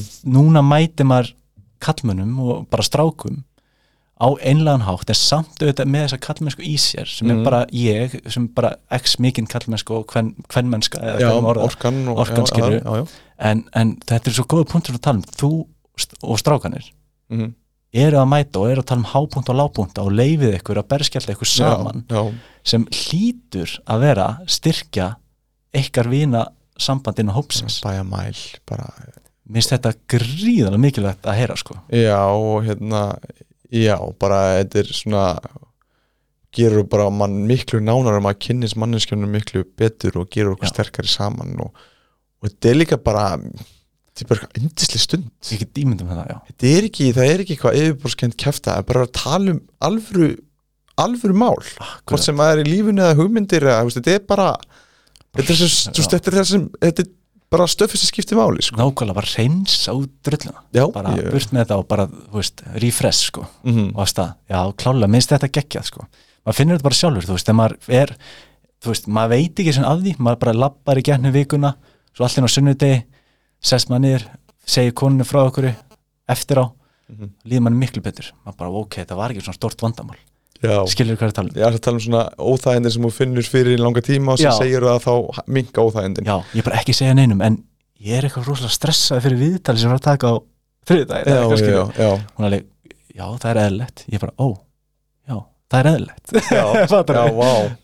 Svona, eins og ég sé einn að vera ekki að stressa þér, sko já, fattar já, bara já, það er eðlist Já. hlutur í heimi sko. en að taka svona vinahópin og, og þú veist, tala sín á milli regla eða bara fjölskyldustund þú veist, ég, ég sé þetta fyrir mér, minnst það geggja punktur taka hápunta, lápunta, mm það verður fyrir 2022 -hmm. þetta er geggja punktar sko. Mhm. Ó, það er margt sem hann að ég geti, ég geti talað við allan dag sko. Já, En sem leiðis bara. mér langaði að sko þú postar eitthvað, það var, kom postu frá þér á Mhm. Instagram, þar sem að tala um sko, ég líka símynd já, þú hann að berskjaldaði já, og talaður um það að þú hefðir verið, ef ég, þú bara stopp maður ég er að fara eitthvað við já, en hann að, að þú hefði verið óörugum með þinn líkama mm, á sínum tíma. Þú ert í brjálugu formi sko, mm, í klikku formi en samt talaður um þetta. Mm, mér langaði einmitt að tala við þig um þetta líkams ímynd kalla. Já. En þess að ég hef sjálfur verið að díla þetta. Mm, þú veist, það skiptir engum ég sé í fitnessformi eða kraftlíkaformi eða grannur eða feitur eða eitthvað, mm, maður er aldrei nógu góður sko. nei, þetta, þetta er líka hjá okkur strákum klálega þannig að hvað var til þess að þú ákvast að berskjaldið svona þannig ég bara held að væri miklu fleiri hann að ég hafa átt samtöl við, við nokkra vinni mína og, hérna, og, og miklu fleiri sem eru þarna á sama stað og maður sjálfur ef maður gerir sér grein fyrir sko. og þú veist og hvað þetta hafi valdið mér bara svona pínu sásuga í lífinu sko. þú veist, djúvisis maður var aldrei sáttur sama hvað og maður vildi alltaf vera aðeins massaðar eða aðeins skortnari og hérna hvað er þetta að sé? eða þú veist, hvað svipað eins og þú veist já, þetta er þetta er góð spurning sko hvað heldur þetta sé, þetta er röglega bara svona einhvers konar kallorka sko Já. þú veist, það vilja vera meira maskulín og þetta er náttúrulega einhverju fyrirmyndi sem við sjáum út í heimi þú veist, eins og Já. konur sjá meira, þú veist uh, varandi að vera staðla á útlýðinu sínu sko, að vera ákveði mjóar eða með ákveðina líkamsbyggingu eða eitthvað svo fram með sko. Já. að þá er þetta eitthvað tengt því sko, vilja náttúrulega líta vel út þannig að lítur að tengjast á áliti annara og tengist líka óræðanum kröfum um útlitið þitt af því að þú ert að líta á einhverja fyrirmundur heimi og þú veist ekkert hvort það sé búið að eiga við myndina hvað það sé að taka inn að efnum eða whatever skilur mig þannig ég gerir mig grein fyrir þessi einhvers konar sko, samspil þarna milli og líka að maður er en þú veist þetta er svo maður er bara svo raung nálgun að þetta skapa svo mikið óholt samband bara við mat og hreyfingu hjá mér sko. Mm. að þú veist, að maður var alltaf í einu orðin skiluru þessi skorni einsleikur sem æfði rosa mikið og, og hérna og þú veist eins og ég maður því að byrja á einhvern tímann að borða hérna græmmetis og var á vegan eða var á plantbeist í nokkur ár og þá hafði ég svo miklu ágjörð því sko að ég myndi eh, eh, veist, ágjörð því að ég myndi Já. skilgjörna sem, sem græmmetisæður og það væri ekki að massaður. Þess vegna passaði mig því mikið að borða geðið mikið því ég var að byrja og einn að fá Já. sem þyngdist eftir að á grænsvæði en, en og þegar mér var svo mikilvægt að ég myndi þú veist ekki, ekki fylla í það box. Það er allir búin að segja, þú veist, þú þannig að ef þú ætlar að stóra og sterkar þú borða kjöt og hrísgrún já, basically þú sko. veist, en hvernig ætlar að fá prótin úr grömminsvæði veist, sem er möguleiki en, endalus möguleiki, þú veist mað, ég skil hvað að tala um já, já. og, og svona það var í rauninni sko já, og kannski bara hvað, ég, var búin að finna miklu sálsöka fyrir bara sambandi mitt við mat og, og líka bara hreyfingu, ég kannski bara fekk mér of mikið af, veist, fekk mér eitt draum ekstra á sunnudegi og ég bara refsaði sjálf mig fyrir á mándegi og djúsist niður yfir og þá setti ég mig ennþá strangari reglur og það akkurat. var lífið bara ennþá leðilegra og ég var bara vonduð sjálfa mig og, og æfði jafnvel bara eins og múki skilir mig Akkurat. og að þú áttur að skilið, þú veist, já, einmitt, mér finnst það gáðu punktur sem fara inn á, þetta er svona þetta er þessi svona kallmennskan, sko. Og veist, það er eins gott að þú vinnir þig út í lífinu. Þú Já. er eins gott að þú refsið fyrir að hafa fengið draum já, í gær það er eins gott að þú þú hann að hendunar að það verða að vera grófar sko. það er eins gott að ég taki hendunar að og ég finni fyrir og þess að taka fast í hendunum sko. Mhm. þetta er svona þessi kallmennska vill ég tala um, sko. þessi Mm. eit, eh, ekki eitru, ég vill ekki Nei, nota eh, þetta nei, ég er ekki sammála því, ég ætla að taka þetta tilbaka Nei. ekki eitraða kallmennska, þetta er bara svona ein, kall, ein tegunda kallmennsku já, eh, svona útgá einhvers konar eiginleiki eða kallorkunar, orðað það þannig mér finnst bara rántar mér finnst bara ránt að hreyfa sig eða borða út frá því einungis að vilja líta vel út eftir ákveðin tím akkurat, ekkert að því að, Nei, nei. finnst ekkert að því að líta vel út og allt í lagi að, þú veist, en Já. mér finnst ef það er bara fókusinn Já. ég veit ekki hvað þú ert þá, af því að þú veist eh, við tölum um aflefingun aftur Já, sko, var- þú veist, já, þú ert að fara að reyfa þig að borða holt af því þú vilt þig vel. Já, og þú vilt, þið vil líða vel það er fyrst og fremst sem við, þið vil lífa vel þannig að þú veist, þegar þú borðar holt og reyfið þá líður þið betur og afleggingi verður útliti verður einhvern veginn akkurat, að verður einhvern veginn nákvæmlega, en þið líður vel akkurat, nákvæmlega. vel á meðan, þú ert ekki að berja sjálfa þig niður Já. og þú hérna fer maður ekki líka bara að sjá sjálf þessu öðru ljósi þegar maður fer að líða vel jú, ég Kannski. held það ég, allan, ég tengi bara persónulega við það sko. Maður getur náttúrulega ekki tala fyrir alla sko. En mér fannst þetta bara magnað og bara vel gert hjá þér að þú veist að gera það mm að berskjölda það svona, þú veist, og segja þetta upp á Já. fækstu mikið af þú veist, fólki sem sendi á þig eða bara, þú veist já, svona feedback eða þú veist, var fólk að, Já, nú fyrir þessu. m- margir sem setti því stóri og einhver sem sendi Já. á mig en það var mikilvægt að allir myndi að fá að heyra þetta og svona Já. Ég hef rætt við alls konar menn í mann eins og ég rætti einhvern tímann við hérna Agnar hérna handbóltastrákur í, í, í val einhvern tímann opnaði sig með að með þess með búlimi já, já, bara með einmitt. Búlimi í þrjú fjör ár og við rættum þetta saman og, og veist, ekki segja að ég hafi verið með búlimi en ég, maður tengi svo mikið við þetta. Akkurat, ég held að akkurat. veist, margir tengi við þetta ekki bara, veist, ég, er, ég vil þetta umræða um stelpur og, og útlit sko. Ég held að þú veist að margir strákar tengi við það þú veist að að vilja gera allt til þess að líta vel út sko já, og verða massar og skornar aðalan sko. Allan að það er mín, já, hvernig ég upplega þetta sko. þetta er bara mjög góða punktur. Ég held að þetta, þú sérst að tala bara um sem mjög margir sammála sko. Mm -hmm. bara þú veist, maður, þú veist Ronaldo skilur þú veist, Já. bara þenn dæmi. Mm þú veist, maður veit ekkert hvað hann er að pæla skilur. Þú Nei, veist, og, að hugsa. og bara vinnan sem fyrir vinnan sem fyrir það sko, og allt en mér, mér fannst það bara magnað þú veist, ég vildi bara taka þetta anna, ég vildi bara hrósaði fyrir þetta. Já, takk og þakka þér fyrir þetta, ég hugsa bara, wow, þannig var moment þegar ég var hugsa, ég er ekki ein maður. Já, sko, nákvæmlega. Þú veist, að refsa sig fyrir að hafa bætt á sig einu kílói. Já, já, þú veist, maður er vatnar þannig ég ætla að taka vatnið af mér. Já. mæta æfingu er bara, oh shit. Þannig þetta er galið sko. Þetta er en, galið sko. eins og mér hefur alltaf liðið betur um að vera þú veist, í 15% skilur, Já, 15-17 nákvæmlega. Þá leið, leið, líður mér vel veist, sem að því með líður vel að því ég er að borða halla mat. Já, en þegar ég var að borða óhalla mat og var í kannski 10-12% já, þá leið mér já, og, og leiti speilin og hugsa, ég líti ekki nógu vel út sko. þetta er mikilvægt umræði, umræðinu og þetta brennur á mér svolítið. Já, þú veist að ég sjálfur tengi við þetta þú veist að taka ár þar sem ég kannski borðaði epli morgumat og epli kvöldmat. Já. sem ég jarðar við einhverja, Mm. óheilbritt samband við fæðu sko. já, já, þannig að það er bara gott að þú veist því fleiri sem tala um þetta því betra sko já, opna á þetta. Algjörlega. Þannig að en það færi heilt þáttur í þetta sko. Heldur, Já, veist að tala líka hans ímynd kalla þegar maður, maður er búin að heyra þetta svo mikið með hvern sem er bara frábært skilur. Já, þú veist já, að já. þurfa allir báðir bæði konur og kalla þurfa að fá Mm. að heyra þetta sko. En þannig að ég ætla að mynda að spyrja líka út í þú ert náttúrulega stóra samfélagsmiðlum. Þú ert með vettvang þar þú veist, mm. með vettvang þar sem þú getur komið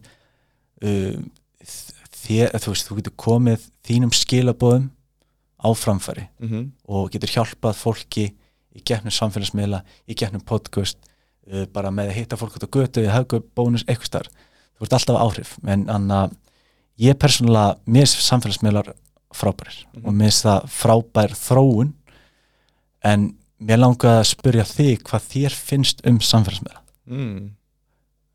Bara yfir höfuð. Bara yfir höfuð, hvaðan að fyrsta lagi er náttúrulega bara tækni bilding bara að við gerum okkur enga grein fyrir því þegar 2007 sem sagði hérna Steve Jobs sagði hérna við erum hérna það er að koma nýjung á markaðin þetta er iPad, þetta er sími og eitthvað net fyrirbæri þetta er ekki þrjárur, þetta er ein og sama varan. Og hérna sko þessi þróun með síman, náttúrulega það sem er gott við það. Er náttúrulega gott við samskiptamila, er náttúrulega þú veist við erum svona tengdar í ytri heiminum eins og svo kallega veist, við getum haft samband við fólk og bara verið að FaceTime í COVID eða við getum þú veist uh, talaði fólk sem býr í útlöndum og verið bara að horfa þau og allt þar fram til gödunum og sen getum við náttúrulega sem er góða við samskiptamila, við getum líka fara á hana inn og öðlast einhverjar upplýsingar á mjög fljóta vegu, mm. við erum bara með tölvi í símanum, hann er að getum verið að horfa á YouTube á uppbyggli vídeo, þú veist, þannig að skiptir rosa miklu máli hvað það gera inn að miðlunum Já. og það er þeir geta verið mjög góðir en, en að mínum að þetta er líka varasamir af því að þú veist, sérstaklega að samskiptamilur er að keira ákveðnu módeli sem er að hérna, stuðla að svona að, að setja ykkur dópamin í heilinum og dópamin er svona tilfengisleitur okkur líða vel og, og vannilega að fá þetta þegar um að sko að að færast í áttin okkar markmið, það er svona jákvæða tilfinningar og það er svona tögabóðin sem spítist þegar við finnum að við séum að verða betri í áttin okkar markmið Já. en þarna eru þá er það þannig læk og svo list þú veist og sér og Já, ég er að tala um þarna eru þau búin að hættaka þetta dopamin kerfi sko, með, með þessu læki og því þú, þið líður eins og læki og einskram þá, þá ert þú að vera betri sko. Já, já, og, og viðkenningin og, það er unni velun, skilur um mig. En, en þau færaði ekkert kannski nær því markmiðunum skilur Nei, og, og, hérna, og smá reynir á svona þannig ég hef alveg svona samkend gagvað sko fólki sem er með mikla símafíkt skilur að það er að skrolla allt á sem er miðlunum og, og þetta hefur svona getur haft áhrif á þeirra lífa því að þetta er bara erfitt og vandasamt veist, og það er ógeðslega erfitt að sko sumum bara neytöldin samskiptamilum en þú veist við erum líka þróast Já. og við erum að halda áfram að þróast með mannfólki en þú veist, mann vil samt með tækni nýjungum, en maður vil samt ekki veist, ég segi alltaf, þú veist þú vilt stjórna símanum, þú vilt ekki að sími stjórna þér sko. og að slæma við síma og samskiptamila er svona fyrsta legi bara ímyndaðir tímasónanir á. Þú veist, hvað er screentime hjá fólki og hvað er hluti af þessum screentime er eitthvað uppbyggilegt sem þú þarfst að gera, eða vilt gera. Maður finnst að þetta sé eitthvað sem þú er bara allt í unnu fara hann að vídeo, koma hann á TikTok og bara allt í henni byrja að skoða bara endarast að eitthvað kattavídeóum skilur og búin að eða þreim fjórum tímum skilur Það klukkutum með fyrr sko, Já. það hverfur. Og, og, og ég hef alveg ákveðna samkjönd fyrir því sko. En þú veist þetta er kannski í samskiptamilinu hann rænur okkur tíma hugsalega gerur okkur ég er að sko gerur okkur, að hugsalega gerur okkur bara ótengdar í þessum heimi hérna sem við erum að spjalla sem kallast Já. mannli heimurinn bara er erfiðar að allt í einu er erfiðar að eiga genuine samtal við magaðinn eða viniðina eða fjölskylduna því að það er allir í símanum Mm. því að þeir, það er bara ákveðin fíktar þú veist, Akkurat. þannig að þetta skemmir kannski, þú missir af upplifunum með fólki sem skiptir virkilega miklu máli þú sóar tímaðaninn á þú veist, þú getur verið að gera uppbyggilegt sem þú sagði maður og sen Já. líka er kannski ef maður er farin að láta samskiptamilina stjórna þú veist, hvað maður sittur inn eða hvernig maður vil líta út og, og hvað maður er að fylgjast með hann inn á, þá getur það náttúrulega haft áhrif á líf þitt líka og hvernig þið líður sem mannesku þannig að auðvitað við að aðlæðast með tækni og auðvitað við að nýta okkur hana. Og en að við þurfum samt líka að mínum að því að vera varasum og líta gaggrinum augum á hvað er þetta að gera gott fyrir okkur, hvað er þetta að gera ekki eins gott fyrir okkur og gera minna því sem er ekki gott fyrir okkur gera meira því sem er gott fyrir okkur. Nákvæmlega, þannig í grunni er þetta bara þú veist að nýta samfélagsmiðla í að gera eitthvað gott fyrir, nota samfélagsmiðla til þess að hafa góð áhrif á okkar líf. Já. Þú veist, erum að taka þetta út, þú veist, ég skil ég er alveg, ég er alveg sammálaðið sem þú ert að segja, algjörlega. Og annað eins og þetta að þá hugsa ég með mér eins og varst að tala um samskipti á milli personu og personu eins og Mm. bara við tveir núna Já, við erum að tala saman. Var, ég, ég er búin að hlusta mikið á mm. ég hef örgulega hértu þín þætti ég er búin að hlusta á þættina þína svolítið mikið núna Já. ára kostum við viðtal. Já. En þannig að þú varst með eitthvað viðtali. Örgulega kjartan alltaf. Já, kjartan alltaf og voru að tala um þetta. Já. en það er samt mikrofón hérna. Já. Hvernig get ég, er ég ég sjálfur núna við þig? Mm. er ég að tala við þig? Ég sjálfur 100% eða er ég að reyna að vera eitthvað smá fyrir eitthvað aðra skilur mig? Já. Uh, samfélagsmiðlar eru fyrir mér svolítið þannig. Mm. Þú veist, ég, anna, ég er að læra á það sko. Já, en mér finnst það mjög góð punktur sem þetta tala um að getur notað í eitthvað gott en þú getur líka nei, þú sagðir, þú vorst að láta samfélagsmiðla annarkvort er samfélagsmiðla að stjórna þér að þú stjórna þeim, mhm, var ekki rétt? Jú. Ég er að taka rétt saman ekki, mhm, mér finnst þetta magna punktur. Mhm. Geggjaða punktur, já, Já, algjörlega, því, eins og ég verðist vera mikið á samskiptumölum Mm. ég er svona, maður hefur farið fram og tilbaka á stundum síminn grípa maður miklu meira heldur en maður hefur viljað og já, verið meiri í honum og, og minni í honum og framöndugutunum Já. en þú veist, ég fekk hérna hér unnstens í, í viðtal, þá mætti hann bara með Nokia síma. Já, einmitt. Og þú veist, það bara verið með hann í sex vikur og leið bara það vel og ég ákvað að taka svona nútíma þetta þannig að ég fer í rauninni er ég svona með plat slögt á selur á data þannig að ég get ekkert verið á netinu fyrir en ég kemst í Wi-Fi. Já, ég segi sniðugt. plata Já, að mér finnst nei, næs að hlusta tónlist eða, eða hérna spot eða podcast þegar að kera akkurat, þannig að ég fer ekkert í síman fyrir en ég er á Wi-Fi komin heim til mín. Og mér finnst þetta svona allavega og fólk heldur kannski að ég sé mikið að skjöldumörum en ég er rosa, ég set inn mikið. Já. og ég tek upp já, síðan er ég ekki mikið inn á svona, ef við tökum yfir hildina litið þá er ég ekki mikið inn á að skrolla og læka og jú, ég fer hann inn til að svara skilabóðum Já. og þú kannski tekið eftir ég var pínu stundum inn á Já. milli treyður að svara en þú veist það var bara Já. því að ég er ekkert mikið á miðlunum en ég hugsaði þannig það er eins og að lesa hugsanir hjá mér sko, að ég ætlaði að spyrja út í þetta já, að ég tók einmitt eftir því mhm, og ég hugsaði með mér þarna að því að hann er örugglega ekki mikið í símanum ég Mm. hugsaði, hugsaði með mér þannig ég hugsaði að ég myndi gefa honum þrjá, fjóra daga, fimm daga þá hann myndi kannski senda aftur. Mhm, já. Skilur mhm, þannig, þannig ég er búin að taka þetta að fleiri og fleiri eru komin á þannig stað mhm, sem er alveg frábært. En ég tók eftir mig sjálfu mér að ég var mikla háðari því að senda skilabóði í gennum samfélagsmiðla. Mhm, ég hugsaði, akkur er ég ekki að ring hvað myndi gerast ég myndi ringja Becca? Já. Fá að byggja númer hjá Becca eða eitthvað. Mhm, væri það skrítið í dag, skilur mig mhm. bara, hann er að ringja. Ég, ég, Skilur með mig. persónulega álið þá myndi ég bara kunna meta það betur fyrir vikið sko. er það ekki? það myndi ég hugsa bara, á, þetta er alveg bara, ekki það að sé lægja Nei. samt en ég myndi hugsa bara að hann ringdi mig á Já. djúvullir jánaði með maður Já, akkurat því að það er eitt að fara hann á Facebook og setja skilabóð, Já. það er annað að taka upp tólið Já, og ringja sko, og sérstaklega að þetta er skiluru það er grjótart í dag sko. Það er grjótar sko, sérstaklega ef maður tengi, ég man einhvern tíma þegar við vorum með millivegin, ég og Arnór hérna félagið minn, við vorum með podcast árun ég byrjaði með mitt degi þá einhvern tíma, ég man ég var að skýta á mig einhvern tíma að ringi sveppa skilurðu. einmitt, einmitt síðan var hann bara ekki þvílitt næs í Já. skilur, ógæslega óþægilegt skilur um Já. mig. En síðan, þú veist hann hefði aldrei, aldrei komið í þáttinn hefði bara sendur um skilabóð á Instagram einmitt, akkurat, ég, ég, það- að- ég tengi mikið við þetta sko. Já, já, klálega, þú veist, maður er drullur hrættur maður er bara hrættur við að senda skilabóð, skilur þú veist, mm. stundum. Er ég að setja réttan emoji? já, nákvæmlega hvernig, hvernig skilur fólk skil, ja, þetta er náttúrulega annar partur með hvað samskiptum að gera, það er náttúrulega bara svo Twitter og já, Facebook og texti, þú veist, við Já. sjáum ekki hvernig hérna, allu viðbröðin að líkanlega viðbröðin okkur er og hvernig blæbriðin á því sem við erum að segja er svona að taka svo mikið úr samingi algengast ástæðan okkur ég og kærastan lendum í einhverju pínu konflikti það er bara erum að miskilja hvort annað í gegnum þú skilabóð og maður er bara svona, ég held að myndi þetta. Já, en ég held að þú myndi þetta bara, nei, En þetta er raunveruleikin í dag, sko. Ég veit sem er magna sko, finnst mér um þetta já, mér, mér finnst þetta magna. Eh, mér- þetta, þetta sé, þetta sé hana, eh, svona mesti miskilning á milli þín og konuðina sko. já, það er að magna að heyra sko. og hana, ég get alveg ímyndið með það sko. Ma, ég, var alveg gripið mér því að senda eh, konu minni á Messenger, hún er inn í Sennherbyggi, er í stofunni sko. sem er alveg fáralt að pæla í því ég, þarf að rétt að lappa sko, tvö skref og segja það sem ég ætlaði að segja.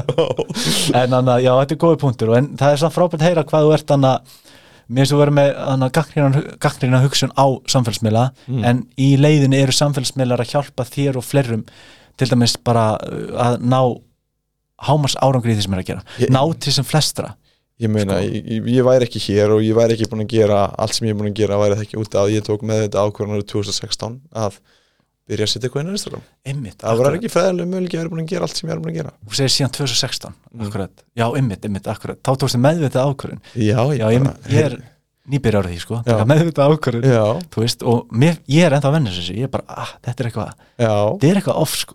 Já.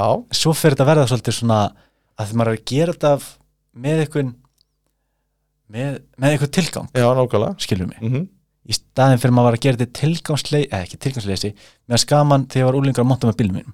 Já, þú veist, ég vil að ég er flotta bíl. Já, já, eða nýj skór, eitthvað skilur Mhm. við, þú skiptir ekki máli hvað er. Og en í dag þegar tilgangur verður tengdur einhverju missjóni já.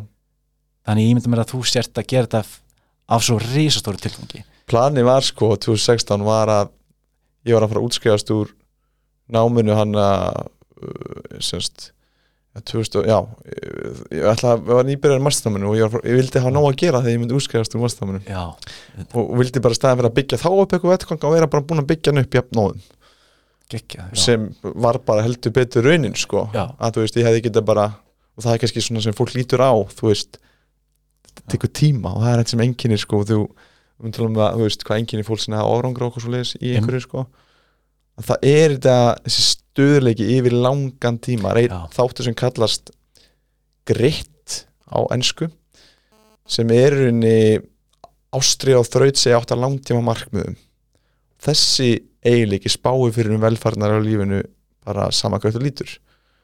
Og ef maður er þá, þá segi ég alltaf sko stöðuleiki trompa kraft. Að vera stöðugt að setja eitthvað inn að stöðugt að meðlengur skilabóðum yfir mánuði, ár nokkur ár Já.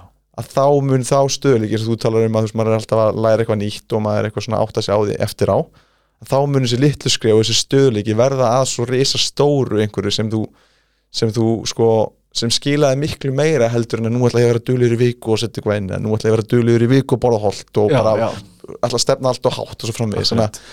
Sem ég er að koma inn á að, um, ég veit ekki hvað ég byrjaði að tala um en þátt sem enginn er árangur en það er bara að það tekur tíma og maður þarf að vera þólumóður skilur mig Mm. og, og veist, sama hvað það er sko, þú veist, sama hvort að við getum tekið allt, bara skóla eða fyrirlestra eða samskiptamiðla eða podcast eða svo Já. framvegis þetta, þetta tekur allt saman tíma akkurat en með því að leggja einhverja hæfilega mikla á, vinnu ásökunum eins og degi vera sína stöðuleika að þá í endanum mun það skila sér sko í staðin fyrir að ætla að þú veist þú ætlar að fara að taka upp enna, 20 þættu efnu viku og bara heyrðu sigra heiminn þá sko. Það, það er bara auðvitað að hugsa maður það hugsa maður nei, það, ég er búin að gera svona hlutar Já, það er bara, þú veist, það já. Þú ert að koma inn og gegja puntaðana sko og ég vona bara að, að þú veist, að fólk pási þarna sko mm. og bara skrifa þetta niður, þú veist. Ég kynnti stöðuleika þú veist, þessum orði bara. Mm. Hvað, bara stöðuleiki er held ég mikilvægasta verk, eða bara mikilvægasta orð sem ég hef kynst á þessu ári. Mm. það, þetta, þetta er ótrúlegt. Mm. því ég er ég er bara, við erum það ungir að við erum á þessu, veist, við við erum á þessu öll þar sem anna, við fáum upplýsingar strax. Við viljum fá allt strax. Og ég, ég fattaði ekki sjálfur að ég er partur af þessari kynslu sem er óþólmóð Mm ég get ekki verið þólumóður að því ég er vanur að fá allt strax en að þjálfa sig að vera þólumóður það far, það, það far mann til þess að líða betur mm það far mann til þess að ná þessu stöðuleika þannig þau, hjá mér, ég er að tala persónulega um mér hvernig ég upplýði þetta sko -hmm. þannig þú ert að koma frábæra punktana með stöðuleikan þú veist og, og anna, já, algjörlega líka talað um sko, við viljum alltaf fá velunni strax og að þetta Já. hefur komið með sko, komið með sjálfstöðstreyfing Mm. 1970-80-90 ég man ekki hvernig það var og þá byrjuðu fóldrar alltaf að hampa börnunum sinum fyrir allt og, og börnum átti ekki lendininu sem myndi, myndi sko, sko, sko skemma sjálfstöðstu þeirra skilur hann að þau gerði allt fyrir þau þau pussa að rósa þeim fyrir allt og svo framvegis og við erum svo kynslu á einhverju leiti klálega ég á, til að grípa Já, það sko. og þess vegna erum við alltaf að leita akkur, akkur ekki inn að segja hrósa mér, akkur er ekki að fá velunni vinnunni? Akkur, er ekki að fá allt? Ná árangur strax, þú veist, af hverju þetta, þú veist, þessi tilneying okkar til þess að halda það að við fáum allt upp í hendunar og það snögt og við Já. munum ná árangri bara við mjög svona á stuttum tíma. Akkurat, það, þú veist það er bara ekki góð uppskrift að árangur sko.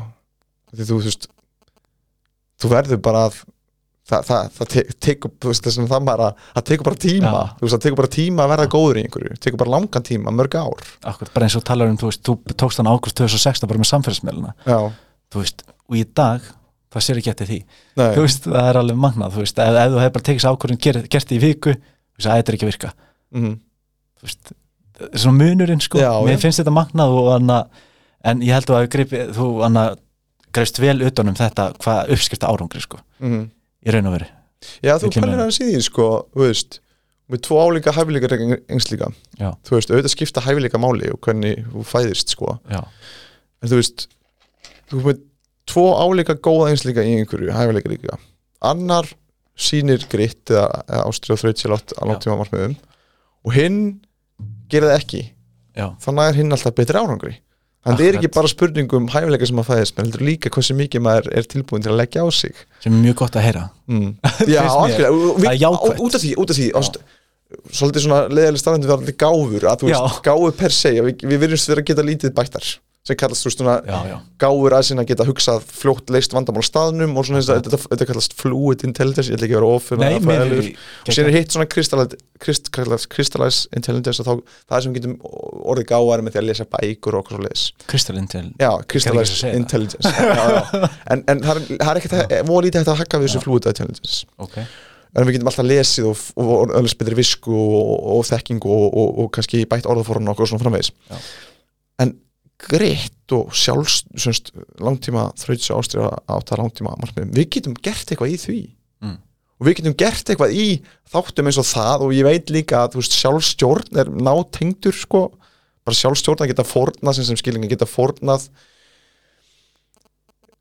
geta lagt þína hegðun og hugsun og tilfinninga þannig upp að mun hjálpa þér í, í framtíðin ekki í núverandi augnabliki þannig að þú fórnað núverandi augnabliki fyrir framtíðina. Já. þetta tengist nátengt semst, langt, þessast þrautsu og ástrið áttan langtíma markmiðum en við getum actually gert eitthvað í þessum málum sko. þú veist, ég get lagt eitthvað á mig, ég get fórnað einhverju sem er að skróla samskiptamilum fyrir það að fara að lesa góða bók, þú veist, ég get gert eitthvað í því og ég get bætt mig í því og þetta er, af því það er ekki bara nú að hafa gáfur og hæfileika þá get ég gert eitthvað öðrum þáttum sem stuðla undir árangur í lífinu og það er eitthvað sem við höfum meiri stjórn á. Og það er þetta sem ég hef svo mikið áhuga á. Ég heyra líka. Já, veist, sem bara magna, ég sá bara glampan skilur Já, og bara þú veist, algjörlega. Og hann að það er ótrúlega jákvæmt að áhuga á þessu. Það er gott fyrir mig persónulega að heyra þetta, að, þú veist, ég, ég er einnig sko, ég veit ekki, ég hef alveg pælt í þessu sem við erum að tala um, já, þú veist, að hann að að þjálfa sig í að sjálfströsti Mm. uh, stjórn þú veist, stjórna sínu eigin lífi skilur já, já. þú veist, en, en sjálfstjórn Mm -hmm. þú veist, akkur fer akkur veit ég að það er betra fyrir mig að fá mér uh, avokado Mhm. skilur avokado en samt fæ ég með marsúkulega sem ég byrja skáp þú veist basic að tala um þetta já, þú veist, þegar ég veit að ég get stjórnað þessu fengi með avokado í x langa tíma og liði betur mm. en staðin velji það sem læti mig líða verð bara fyrir skamtíma veljiðan yfir góðum þætti í sjónarpunni sem er auðvitað hryllismynd líka. Þannig er ég er bara- að taka um Já, þetta er segja. bara stærsta spurningin sko, af hverju vitum við þetta allt en af hverju tekst okkur ekki að fylgja það sem við vitum að er rétt fyrir okkur sko. Og er þetta ekki bara mannlegt Jú, þetta Ég er allir að- við þetta. Og hérna, maður getur líka með góða sjálfstjórn á einu sviði, ég get verið duðlegur að reyða mig síðan og borða holt en kannski er svefnum minni rauglinu eða ég segi með einhver haldi fram hjá makanum sínum eða, svona, með- eða, eða bara snappi á maka sínum eða eða ekki svona tilfinningum sínum, hann er alls konar tegundur af sjálfstjórni. Já, en hérna en það er ekki bara einhver viljastyrkur það er ekki bara, ég ætla ekki að fá mér banna ég ætla ekki að fá mér hérna. Það er ekki sjálfstjórn, sjálfstjórn snýst miklu meira að það er alls konar leiðir sem maður getur tamið sér til þess að minka sig sko, minka stjórnin sko, minka uh, hvað maður mistekst oft með að við, okkur líður alltaf eins og svo, okkur sé að mistekast að einhverju leiti með sjálfstjórn sko. og það eru rosalega, rosalega margar leiði til þess. En ég held að þetta sé líka bara því að þú veist við, við hérna á Íslandi svona flestir, okkur skortir ekki neitt. Þú veist, við, ekki að, við þurfum ekki að gera eitthvað til að berga lífun okkar. Þannig að þau erum í gamla dag að þróast að þurftu að hlaupa því að það var ljóna eldaði að þú þurftur að veiða mat og kannski hlaupa í marga daga að þú veist, Já. Það var eitthvað kvati þú veist, að þú myndir ekki gera, ekki gera það, það myndir þú deyja. Mm. en þú veist, ef við fyrir bara upp í sófan og, og staðið fyrir að fræðingu það gerist ekkert neitt nema að þú veist, í framtíðin, jú, þú Já. mynd, mynd líða verra en við náum ekki að hugsa alveg í framtíðina það það, það er ekkert að gerast núna sem bara segir, þú þarf að veða núna skilur akkurat, akkurat. Og þá komum við út, þau annað, þú veist, nú fer ég úr einu í annað. Já, já. en annað, þá einmitt langum að fara út í spurningu. Sko, sé alveg nokkar spurningar sem við langar sko, að því ég las bókina eina, þú verðum að fara út í það þú veist, að sitja í sofanum og reyfingu já. datt mér allt inn í hug, þú veist kaplinn í bókinni um hana einmannleika. Já, og hann greip þessi kapli var ekki annar kapli, jú, passar. Jú, og sagan byrjaði með afaðinn já, og hann að síðan talaður um konuna Hildi mhm, er ekki rétt Hildur? Mhm. Og ykkar samband að þú varst orðin leiðilegur mhm. Sem, eða, ég er ekki að segja þessi leiðilegur Tók þetta mjög mikið en ég greip mig sko, ég hugsaði, veistu þetta er rétt, ég er nefnilega greip mig sjálfur bara fyrir stöttu síðan. Ég var hann hund leiðilegur sko. Já, ég tók öllu svo rosal alvarlega og ég reyndar er ennþá að gera það sko. Ég er Já. að passa mig að gera það ekki. Mhm, en kaplunum innmannleika þetta er langt síðan ég hef verið að hlusta á bók og ég hef upplegað hann að kekki hálsinum mm. að því að þetta var svo satt skilur mig mhm og mér langar svolítið að spyrja út í þetta að því að maður getur upplegað að, já, hvað er innmannleiki? Já, vá einmannleiki bara snýst ekki um það hvort að maður sé endilega í kringum mikið af fólki Já. af því að þú veist, einmannleiki er einhver huglega upplöfun sem þú hefur á uh, bara hvort að þú, þið finnist þú tilheyra í rauninni fólkinu í kringu þið skilur mig? Og þú getur verið einmann að þáttu þrátt fyrir það að þú sért upplegað einmannleika þrátt fyrir það að þú sért með einhverju fólki Mm. eða hópa fólk, þá getur þú bara upplegað eins og þú sért ekki séður eða herður eða fólk skilið þig ekki sko. Og þú getur upplegað kannski svona þremur suðum lífsins, svona einmannleika að, þú getur upplegað einmannleika í, í nánu sambandum, kannski með maka eða ert kannski ekki með maka, skilur við þá, þá er það eitthvað sem getur upplegað einmannleika á að eiga svona nána vini eða eitthvað svona, svona stuðningsnet skilur mig, það, það er eitthvað að upplega einmannleika þar, bæði þú veist þrátt maður fyrir að maður eigi það og, og ef maður á það ekki. Og síðan er það veist að vera hluti af einhvern svona stærri heild eins og þegar maður fyrir að vinnu, ef maður er í íþróttarlið og svo framvegis, maður getur upplegað einmannleika á því sviði líka. En, en það sem er kannski komið óvart með einmannleika því að þetta er svona talið um að þetta sé líka bara einn af öllum sem faraldrum sem er að, herja á lífið og Já. kannski með aukinni tækni og svo framvegis en einmannleiki er náttúrulega skadalegu fyrir okkur og ekkert síður skadalegri fyrir okkur heldur en sko vinnir að hefur skrifað bókina að vera álíka skadalegt og reykja 15 síkratur á dag sko. Mjög skortur á félagslu tengslum sko. Já, og, og, og, og raunni er tilfinningið þegar þú ert einmann á í kringum fólk að þá finnst þú bara ekki eins og annað fólk skiljiði fullkomlega. Já, þessi er svo sért anna já, akkurat. Eins og, eins og þú viljir Outcast. taka aðrar ákvarðanir og þú, fólk, og þú finnst þess að fólk skilur ekki alveg hvað hann að koma eða hvað hann Já. að hugsa eða eitthvað svo leiði skilur mig? Akkurat, það er bara svona einhver huglæg upplifun sem maður hefur á því sko.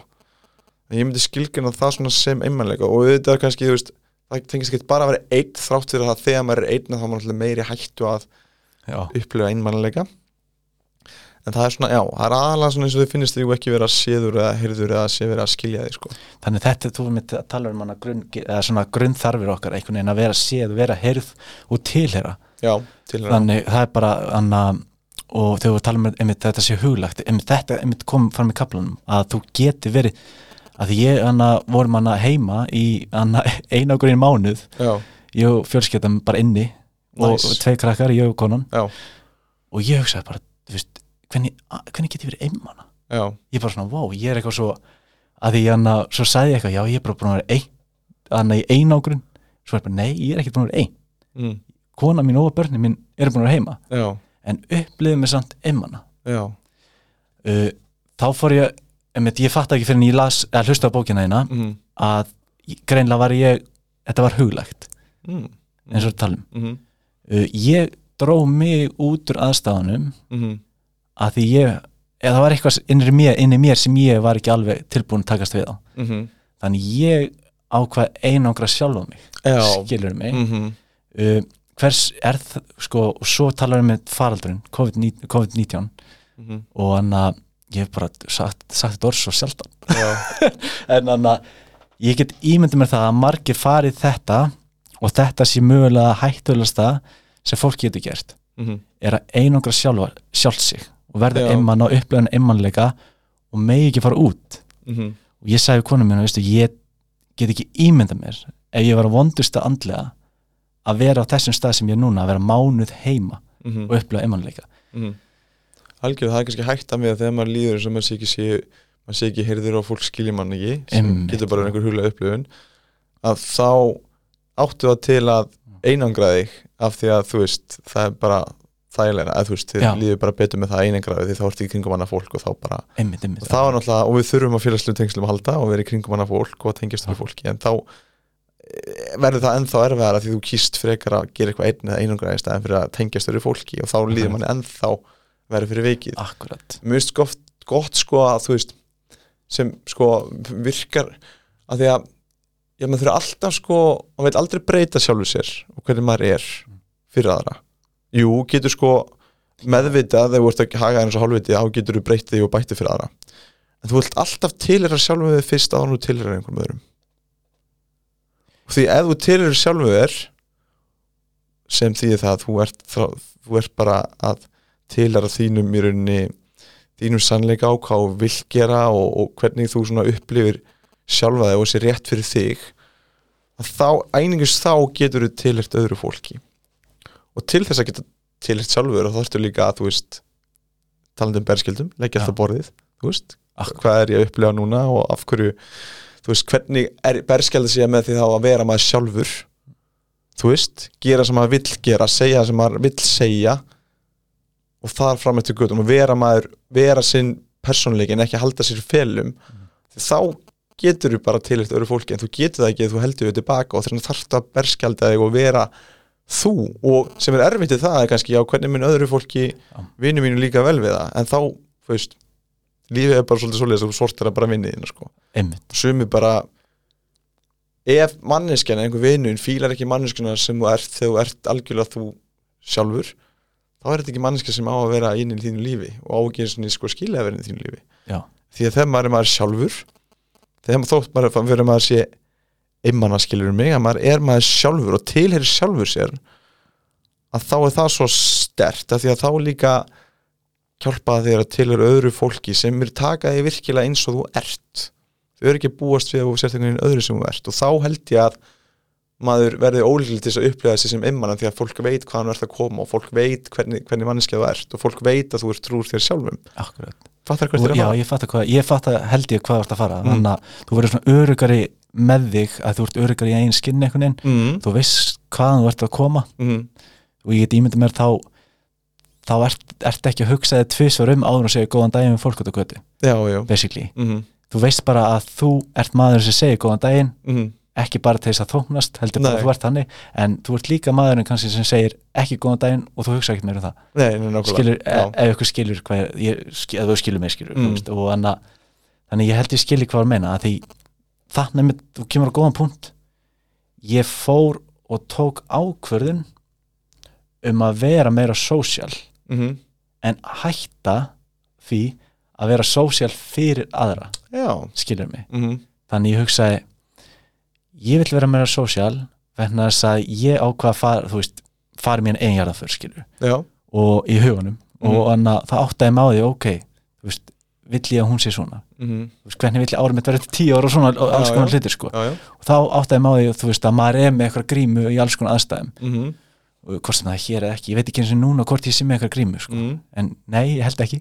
En, anna, en þess að var sem magna í bókinu sem anna bókinu mm, þú veist, og svo talar um anna, þig og kona hérna, Hildi mm, að, uh, að þið áttu anna, ég er að muna bókina en anna, þið þú talar um það að þú getur aldrei hægt að vera þú sjálfur en þú ert tilbúin að breyta þér fyrir hana. Já, já Það var semst þannig að Jú, eh, sko þetta var semst þannig að maður var orðin kannski of ferkantaður Já, svona, já. og ég, þú veist, að máli deila um það hvort að maður sé að taka lífinu of alvarlega, að ég, þú veist, að fyrir eftir bara hvernig skilning og láti mér alvarlegt, sko fyrir mér er ekkert alvarlegt að fara svo klukkan 10 og vakna klukkan 5.30 og, og Einmitt. gera allt sem ég vil gera, það er ekkert alvarlegt fyrir Já. mér og það er bara eitthvað sem aðrir eru búin að innprenti hausinu á mér að það sé alvarlegt, skilur mig. Já, já, Þannig að þú veist, fyrir mér er það ekki alvarlegt en a- allavega, ég var orðin kannski svona svolítið þver upp á Mm. það, þú veist vildi bara fá alltaf mína átta tíma og ég vildi bara borða alltaf minn mat og alls ekki neitt, svo veist. Þannig að líka,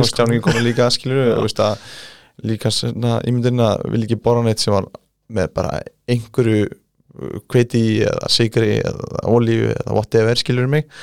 Þannig ég var bara svona, og þá var maður svolítið svona og leifiði mér minna skilur mig, þá var maður svolítið svona leiðilegur sérstaklega að vera kannski með í sambandi með því að það stundum að fórnaði fyrir aðra og svo framvegis, þannig að hún það sem enginn einhvern sambandi okkar að það er mjög svona við segjum sannlega um hvort annað og, og hérna, okkur finnst það mikilvægt og bæði þrátt er erfitt að segja eða þannig tæklíu vandamál sko. Já, og hún kom einhvern tíma og sagði, Beggi, þú bara búin að vera svolítið, veist, bara leðilur undarfarið og ég bara svona, já. Bara svona, skoða þetta og bara, "Já, getur vel verið að segja eitthvað til í áni og síðan það sem ég sagði, þess að sagði, ég hérna, get bætt mig fyrir þig, það er ekki sens í helviti þess að fara að breyta mig fyrir þig.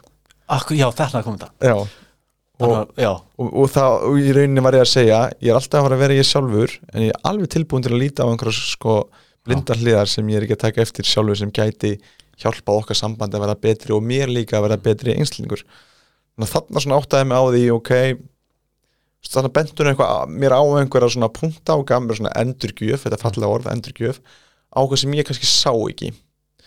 Og og hérna, og þá einhvern veginn áttaði mig á því að hugsalega er ég, þú veist af hverju staðin fyrir að sækja í félagstengsl var ég bara að fara heim sjálfur að, að, hérna, að lesa, að skrifa svona, af hverju fóri ég ekki í félagstengsl af hverju var ég alltaf stressaður í félagslegum aðstæðum að fara heim að sofa eða borða okkur slált, af hverju bara borðaði ekki góða matinn í félagskapnum af hverju bara svaf ég ekki st- svona stið tíma aðeins lengur út morgun daginn eftir að whatever sko.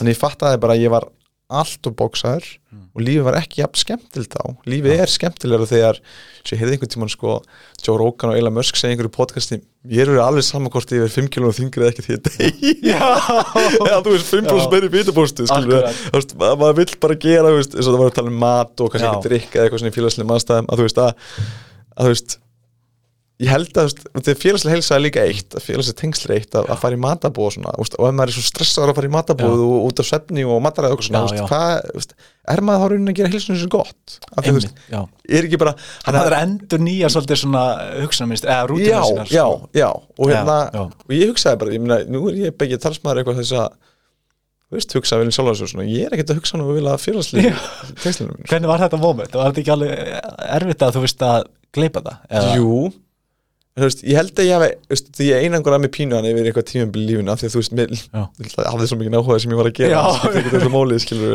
Svo en þú veist, maður er að ferðast með öðru fólki í lífinu skilur, maður verður að mæta þeim einhver staðar, skilur Akkurat. Og, veist, og það gerir manni gott það er, veist, það er bara eins og góðu sálfræði tíma að hérna, eiga góða stund með vinnum með fjölskyldumælum, skilur, það er bara eitthvað það er bara eitthvað sem er gífilega gott við það, sko.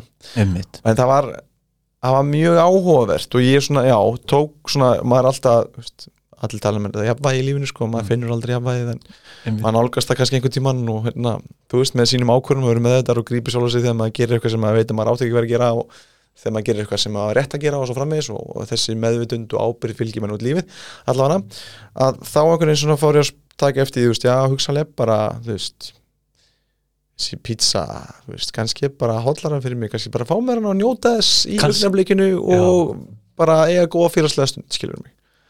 Kannski bara ægið þessi 8 tíma svepp sem ég fekk ekki og ég fæ bara hérna 7 tíma. Kannski bara fínt fyrir mig þessu augnablikki að bara fá bara 7 tíma og eiga bara ennþá betur stund með fólkinu mínu, skilur mig. Þannig að valdur á milli. Nei, Já. valdur þannig, einmitt, þannig að- Já, þetta, er geggjaði punktur sem þú talum Kannski er hollari fyrir mig að fá mér þessa pítsu og veri betri félagslegum tengslum mm, að því eins og þú sagðir hann að bara í bókinu að segja núna áðan líka mm, að, félags, að veri, lélum, veri ekki félagslegum tengslum og upplega innmannleika og svo framvegis mm. er álíka óhald og reykja 15 síkurþrútt Nákvæmlega. Þannig, ég myndur ekki velja pítsuna og veri góði tengslum? Já. af því ég held að pítsuna hafa minni áhrif. Hún bara gefur góð kolunni fyrir næsta næsta í staðin fyrir að sleppa í Já. félagslega aðstæðan því það er pizzaðar einmitt akkurat, akkurat. Ég held að hann hendurna stækka alltaf aðeins eftir sko. Nákvæmlega og nýta það í orku blóðflæði, já, eins og að maður er lært í gennum tíðan líka bara þegar maður prónar yfir sig þú veist, borðar á mikið eins og ég verið gæri í Ný, það nýti þetta bara, tekur svona aðeins lengri æfingu og já, tekur þetta sem orku inn í gimmið, einmitt, sem er svo geggjað. Í staðan fyrir að refsa- þá bara ný, nýta nýta nú er komin eitthvað þoka sko Já, nýta þetta. Nýta þetta bara, nýta þetta bara. Mér finnst það geggjaði punktar og hann að ótrúlega áhugaverðir, sko ég mæli náttúrulega bara með allir hlusta, nei, hlusta bókina eða lesa hana sko, Já, að því hún hafði áhrif á mig og þannig áhrif bara, ég þurfti að hlusta á þetta fyrr sko, en gott fyrir jólin. Já, vegna þess að maður gleymur átt fólkinu sínu.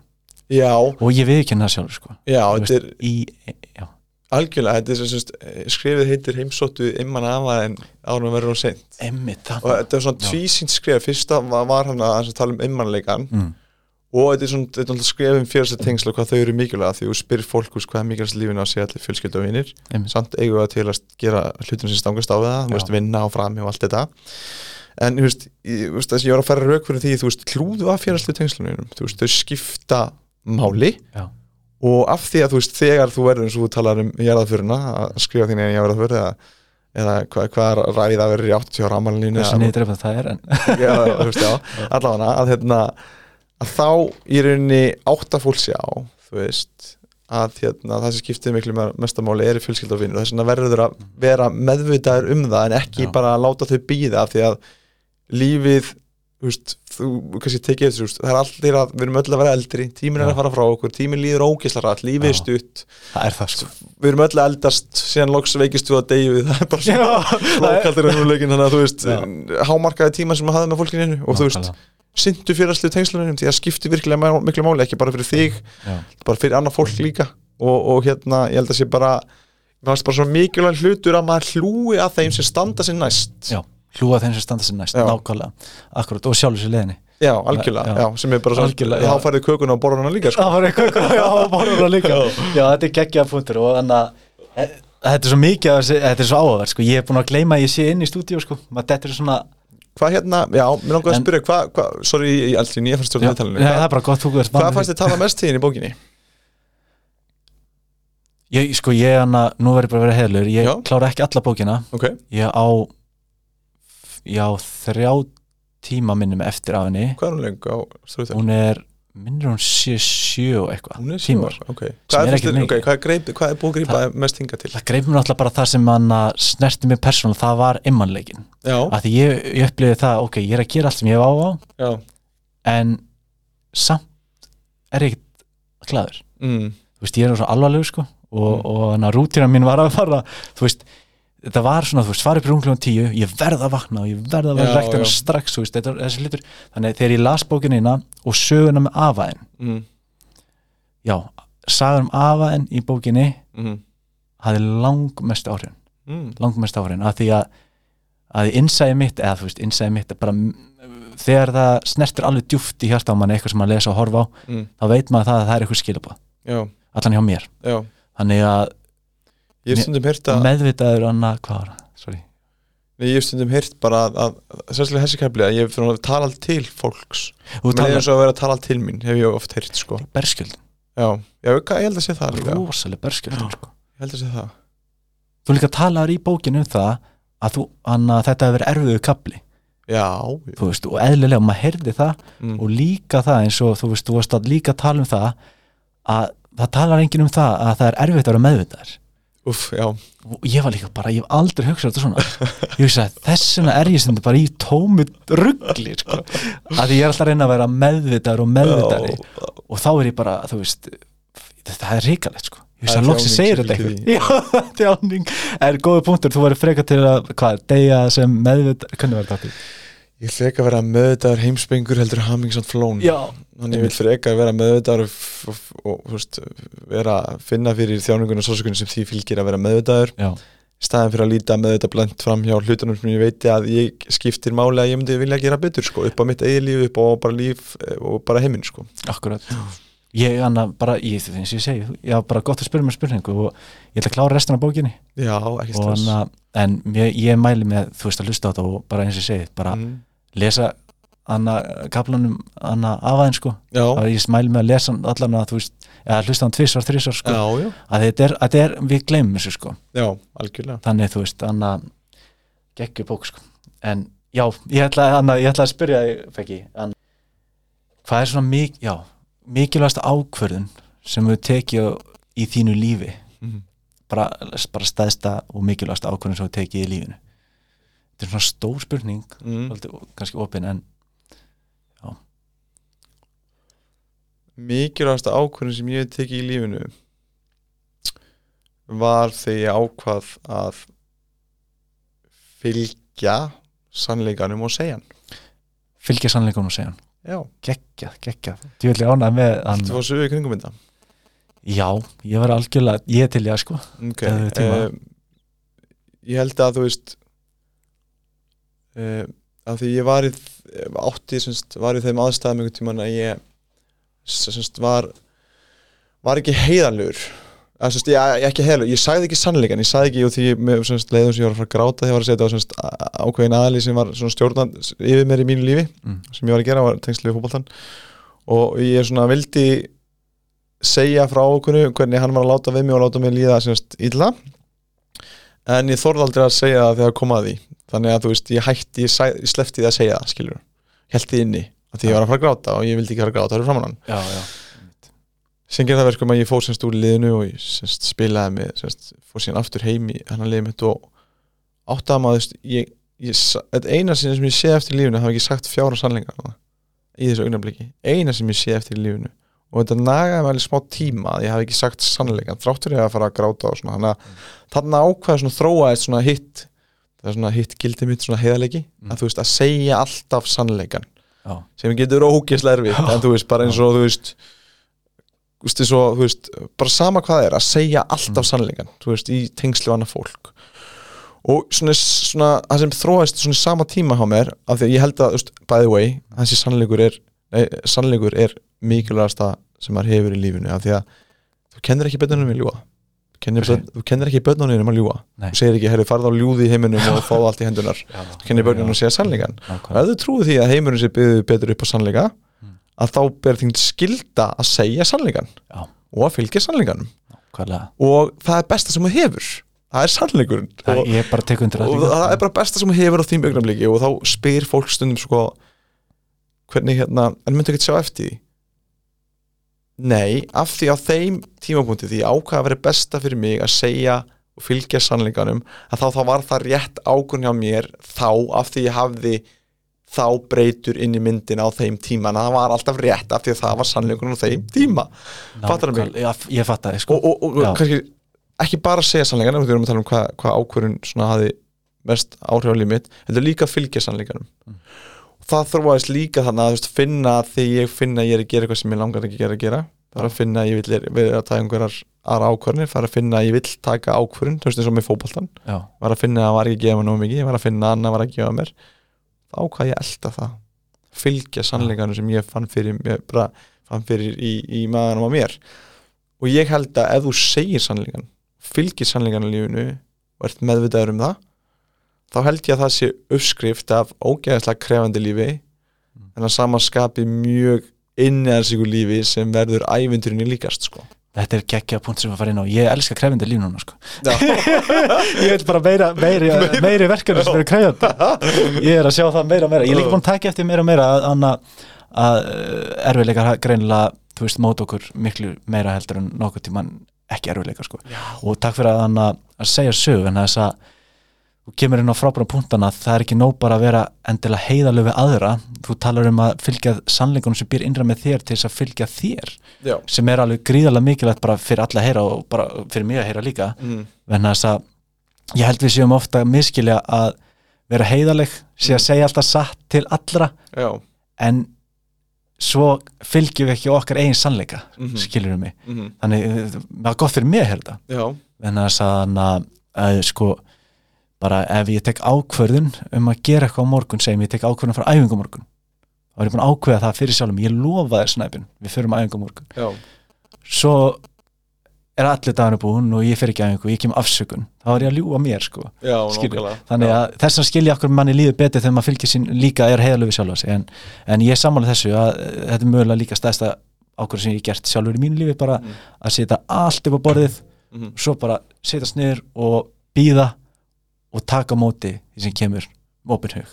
Algjörlega. Veist, hversu sárt það er, ég er alveg sammálar ég held að þetta sé mest krefjandi sem bara þú sagði hann að byrjun, þetta er hugreiki sko. Þetta er hugreiki, Nákvæmlega, þetta er hugur ekki Það Bara- er fylgja sín sannleika sko. Vá, þetta var powerful sko. Þannig að já, þetta var geggja en mér langaði einmitt að spyrja þessu og þetta er ekki loka spurningin en hann að ég sé að þú veist um holdið með þér. Mm. ég var það að klippa þetta líka og svona sko. Þannig já. ég hef þetta bara svona flæðandi og þannig að þetta er oft líka svona spurningar sem ég hef gáðan að spyrja sjálfum af þannig, Mm. þú veist og hann að þú veist, þú, þú, ég er að fara yfir þetta að því mér langar að hitta eitthvað góðan punkt, Mm. svona ná eitthvað góða punkt og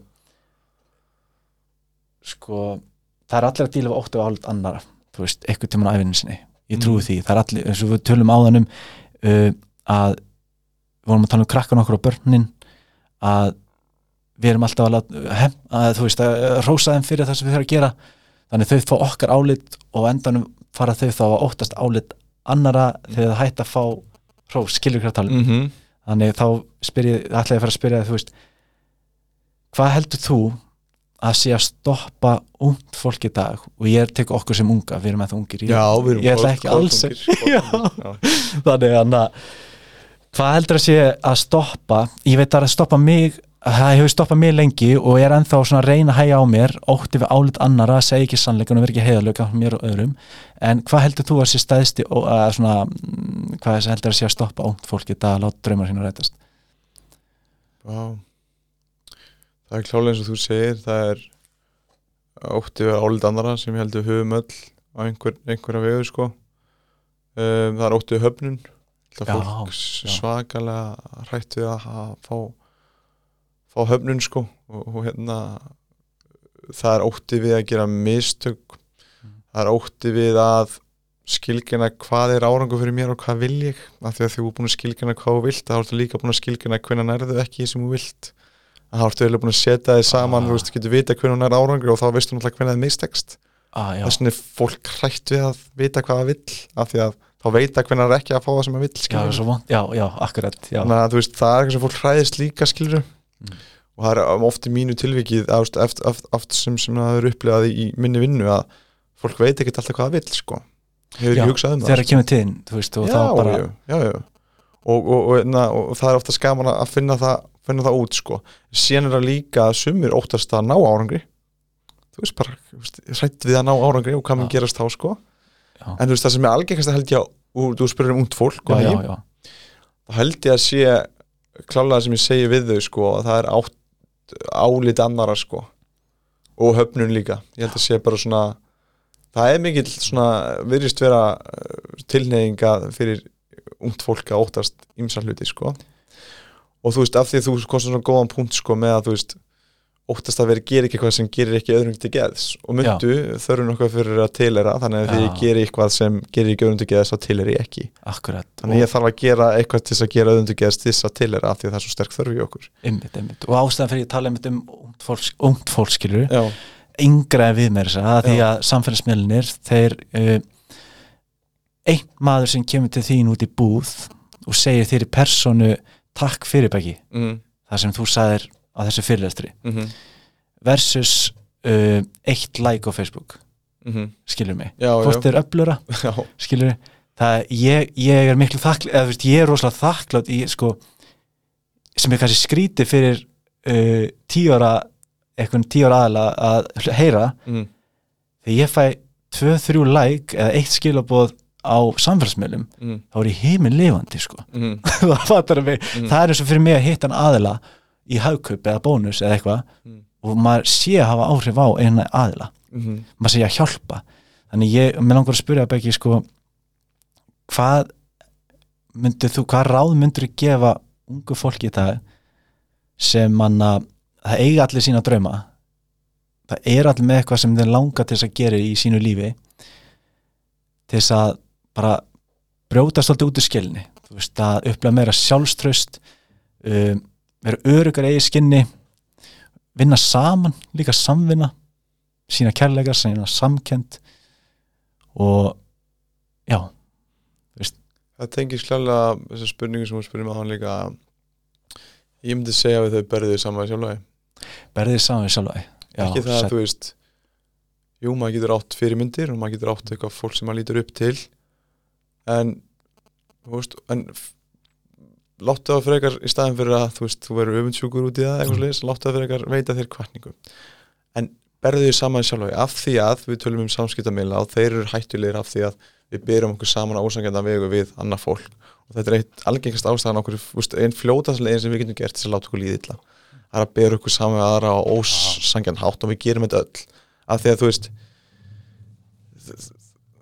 af því þegar við byrjum okkur saman aðra aðla að þá tekum við bara eitt svið lífsins sem er kannski bara útlitt og við yfirfærum það inn á yfirfærum það yfir á sko tökum það við eina svið líf, lífið okkar sem er kannski bara útlit og tökum ekkert annað enn í myndina. Þannig að við erum í rauninni ekki að bera okkur saman með allan einstaklingin því að kannski getur litið vel út en hvernig líður þér hvernig er sambandið í fjölskyldumennum minna hvernig er vinnin, hvernig, hvernig starf ert í?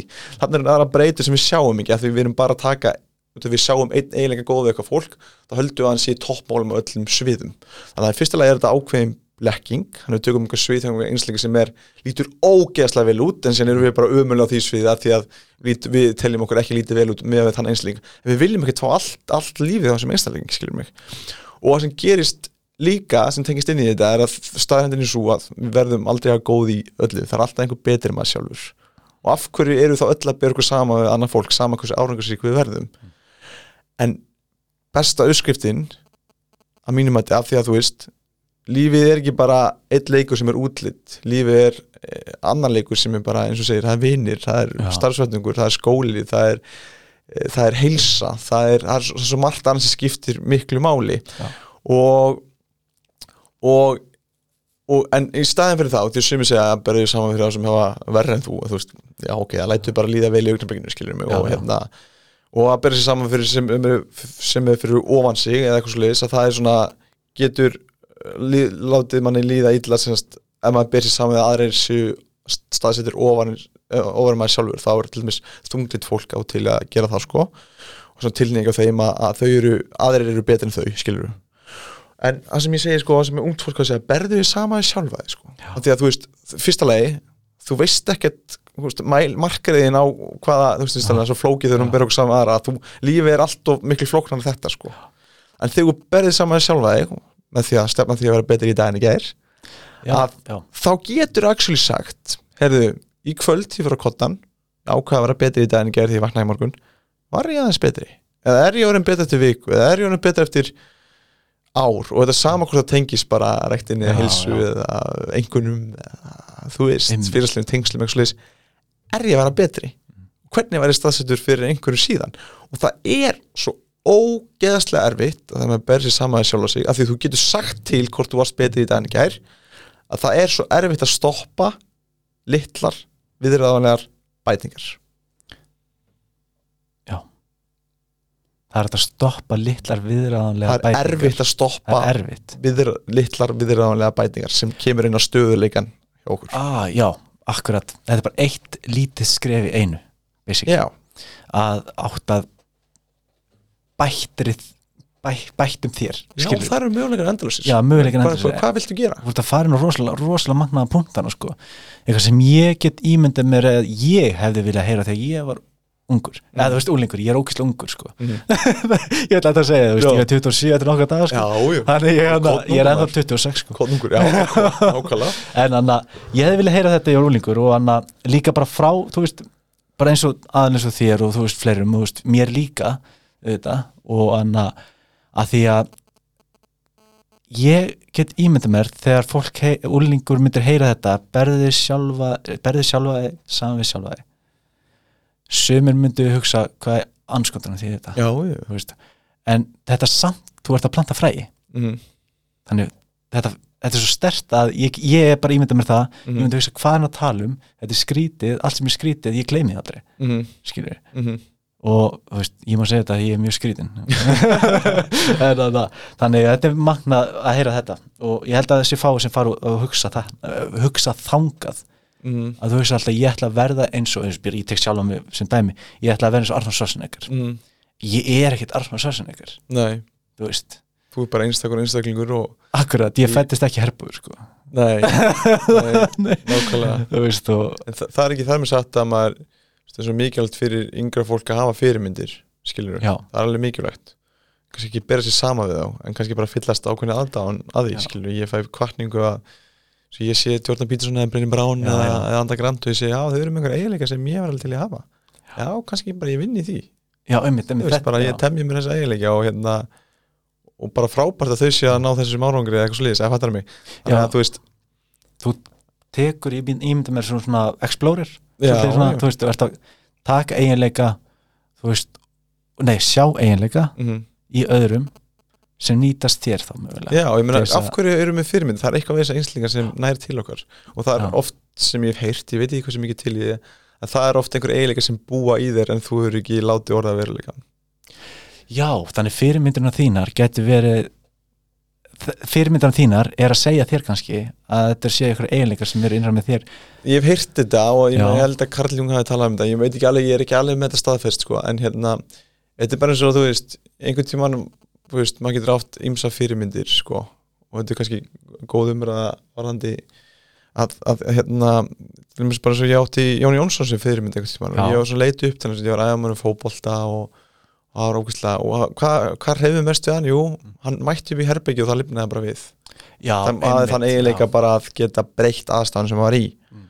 ég bara, wow, ok, þessi eiginleiki er hillandi og ég til í að hérna, mér langar að vera svona að, þú veist, að ég held ég að, þú veist, mér langar að vera einsleikur sem lætur herbyggi skína bjartar eldur en að var áður en ég kom inn í herbyggið Akkurat, og ég er staðfest þú gerir það sko. Já, ok, algjörlega, takk fyrir það er alveg powerful orka sko, maður tekur alveg eftir þessu með nokkur þú veist, þegar þú segir þetta um fyrirmyndir, þú svaraður hann að ég ætla, ætlaði að spyrja hvað fyrirmyndir áttu. Já, en svo kom nýðan að Karl Jung líka og Jón Jónsson.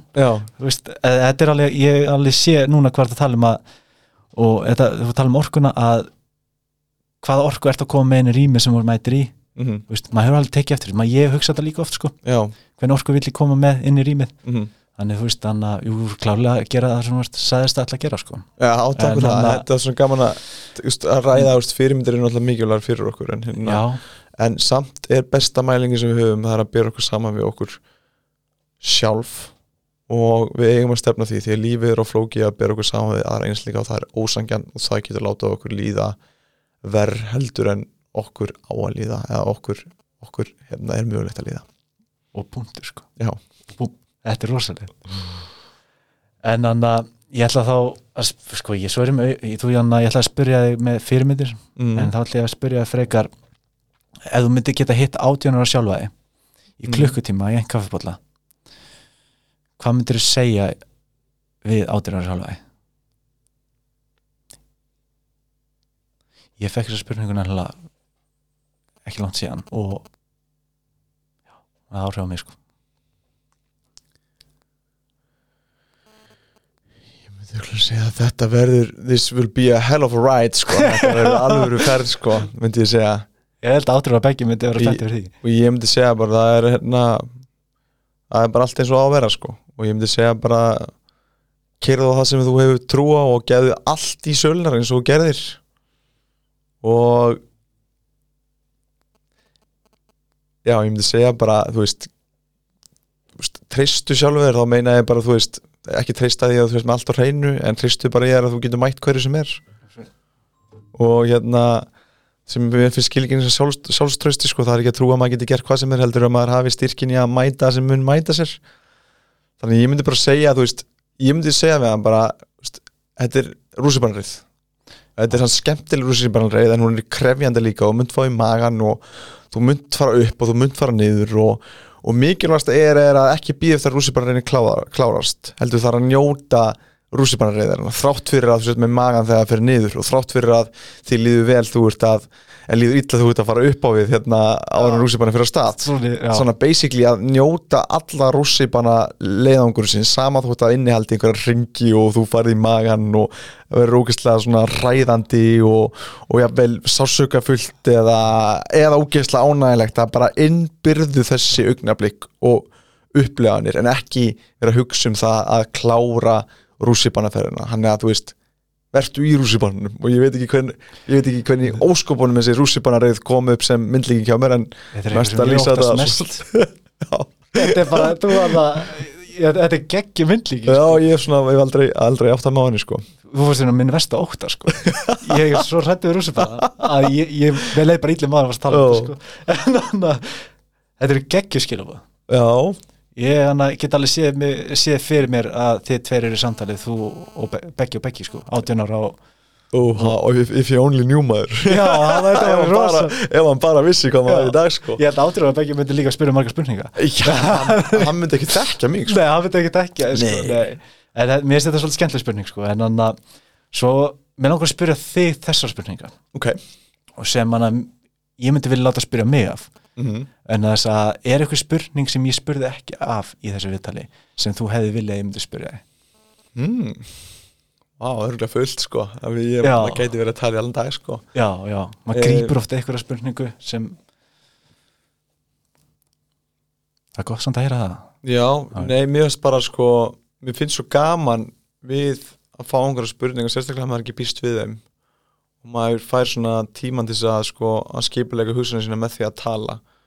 Og tala um ákveðna hluti. Þannig að mér finnst bara indislegt að fá spurningar sem tengjast auðvitað gaman að tala um sjálfa sig, mér finnst það ógæslega gaman. Mér finnst líka ógæslega gaman bara að tala um pælingar og hugmyndir sem maður hefur verið að hugsa um bara í mörg ár sko og geta að miðla því áfram. Þannig að þú veist þú verður geta spurt mig þú veist hundrað öðrum spurningum sem ég hef viljað að fá en þú veist, þú spurði mér samt líka af já, 30 spurningum sem var bara frábært að fá sko. Já, algjörlega gott að heyra það sko, þess að ég búið komið triljón spurningar hérna. Og ég myndi spyrja þar allar sko, ég myndi taka upp svona 6 tíma þátt sko. Já, En- við bara kemum aftur þetta Já, það er ekki sko, ógeðlega gaman, að tala við sko. En hvað er svona framöndan hér núna? Já, það er bara að sinnelli sem ég er að gera áfram. Það er hérna dóttarsnámið og hérna það eru fyrirlestarnir og sinni í stærri verkunum með fyrirtækjum og stjórnundaþjálfun og podcastin náttúrulega og, og hérna og sinni er ég ímisverkunum, það er bara að gera þetta ennþá betur og, og bæta mig sjálf, sjálfan. Ég hérna er líka, jú, við getum alveg svo sem gefið það út að ég setja bara þá pressa á mig að gefa út bók á næsta ári. Ég er komið með alveg 150 blassjur í vörð þetta er pínu meira kaos heldur en hinn bókin og búin að eiga sér staðið lengur tíma þannig ég þarf bara að fara, svona, fara út á land í tvo tíma og Þannig að kúplaði út kúpla mig út og fá hans að pæla og hugsa og, og koma sér í svona fastari farveg. Þannig að það, ég elska að skrifa þannig að það verður eitthvað og síðan bara fylgja því sem ég vil gera. En ég vil alltaf uppfæra mig í allt sem ég er að gera og bæta mig í því sem ég er að gera og Verður það að framhalda að finna bókinni? já, verður svona svipað já, á maður að segja það, á maður að segja þetta sé framhald að þeirri bók sko.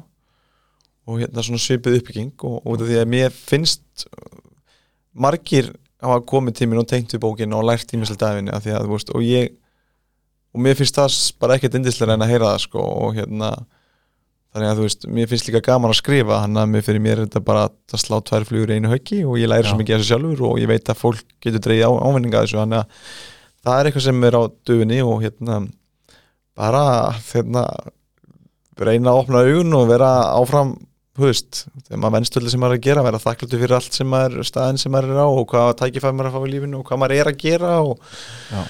og lega sér að faðma lífi og fylgja sannleikanum sem getur vel verið að koma eitthvað upp semst Já. koma eitthvað sem bara grípur sannleikaminn og ég fer að gera það og bara Lífið er á, ja, lífið tekur sér bara snúning allt í einu sko. já, Þannig það er alveg magnað sko. það er það sko. það er geggjað, það er bara fallegt sko. Mm. Mjög fallegt og þannig að ég er ótrúlega spenntið með þannig að þetta gefur nýja bók já, og þannig að fara út á land með þetta hljóma líka vel sko.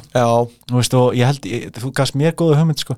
mm. ég var búin að gleyma því sem hann að ég ætlaði sjálfur að gera, ég ætlaði, ég ætlaði að stefna bara darkroom, hefur heyrt um darkroom já það er kannski next level dæmi sko, Mm. ég er ekki að fara að skrifa mikið ei, mér er skafan að skrifa sjálfur, nei ég er ekki að fara að skrifa bók en að fara út á land heldur að gefa þér þá meiri svona akkur fyrir út á land til að skrifa bók ég, það er bara sko. já, það er bara hérna áreiti frá, þú veist, þá er ég ekkert að segja já við einhverju fundi eða einhverju þjálfnarsálfæði tíma eða einhverju félistri eða einhverju blokk út tvær vikur sem ég er ekki að fara að gera neitt og vill helst bara vera þar án netsins líka þannig að ég geta vera sambandið með hann ég er bara að einbytta mér að einhverju einu og bara alveg inni já, ég er ekki að gera eitthvað á sama tíma skilur eða við daginn þannig að maður svona losna frá áreiti nú sem fylgir kannski mínu daglega lífi sko. akkurat, ég skilji já, akkurat, ég get ímyndað mér það að sé það er sko. mm -hmm. og hann að þannig það er, já, og er þetta hann að, hvernig er þetta að hafa samband við þig ef ykkur vilja leita þín til þess að aðstóð með bara, já, Ég myndi bara að fara á beggjólusm.com. Já, þar getur við fengið aðgang á podcastinu þar er e-maili mitt og þar er einhverju fyrirlestrar og bara all, allar upplýsingar sem þart um mig að halda sko. Í staðfyrst það. Það ég fór einmitt inn á það síðan, mjög flott síðan sko, Já, takk fyrir það. Sko. Mjög áhugavert, mm -hmm. algjörlega bekkjólus.com og hann að .com. Já, .com, já, já, já. og hann að tíu skref einirhaldsríkara lífi. Mm. hann að, mér að spyrja þessar spurningu lókin, akkur tíu skref? Vá, ég allt er mynd þessar spurningu. Þannig ég hann að, Ég fór alveg fram og tilbaki í þessu sko. Ég ætlaði Já. fyrst að hafa 12, síðan 9 sem kom tíu einhvern veginn til mín sko það var akkurat, það, það mátti ekki vera fleiri skrif sko. mm. var, tíu var svo fullkomi sko. Þetta var það er góð já, tala sko mjög góð sko mér finnst bara forvitinlegt sko bara mjög forvitinlegt og hann að en ég, hann að mæli með allir lesi bókina fannubækjólis.com mm. og bara það var geggja gaman að taka viðtal við ég verða að fá þig aftur viðtal þegar þú ert búin að skrifa hérna bókina líka já ég, að ég var búin að skrifa hellinga spurningum um bókina sjálfa. Mm. alls konar hlutir, pælingar frá þeirri bók já, sem er bara, ég tek bara báða bækunni næsta viðtali. Já, og síðan bara aðeins að, já. Þannig takk hérlega fyrir þetta byggi Já, Og- bara, snæfið, bara takk kjærlega fyrir mig og hérna, mér lýst bara vel á vefðfyrirna sem úr stá og hérna, laka til að hlusta á þættana hjá þér og, og bara fylgjast með þér gera það sem þú brennur fyrir og, og, og finnst fylgja þinni ástriðu og ég held að ef þú fylgir því og þínu sannleika þá, þá myndu yfirst því að hvað sem er til þess að ná því sem þú vilt ná fram í, í lífinu sko. þannig að ég bara segi bara takk fyrir að fá mig og gangi þér bara sem allra, allra besti framhaldinu líka takk fyrir það, Mm. þetta er alveg pef sko Það hengi, Jú. takk fyrir þetta byggi takk hérlega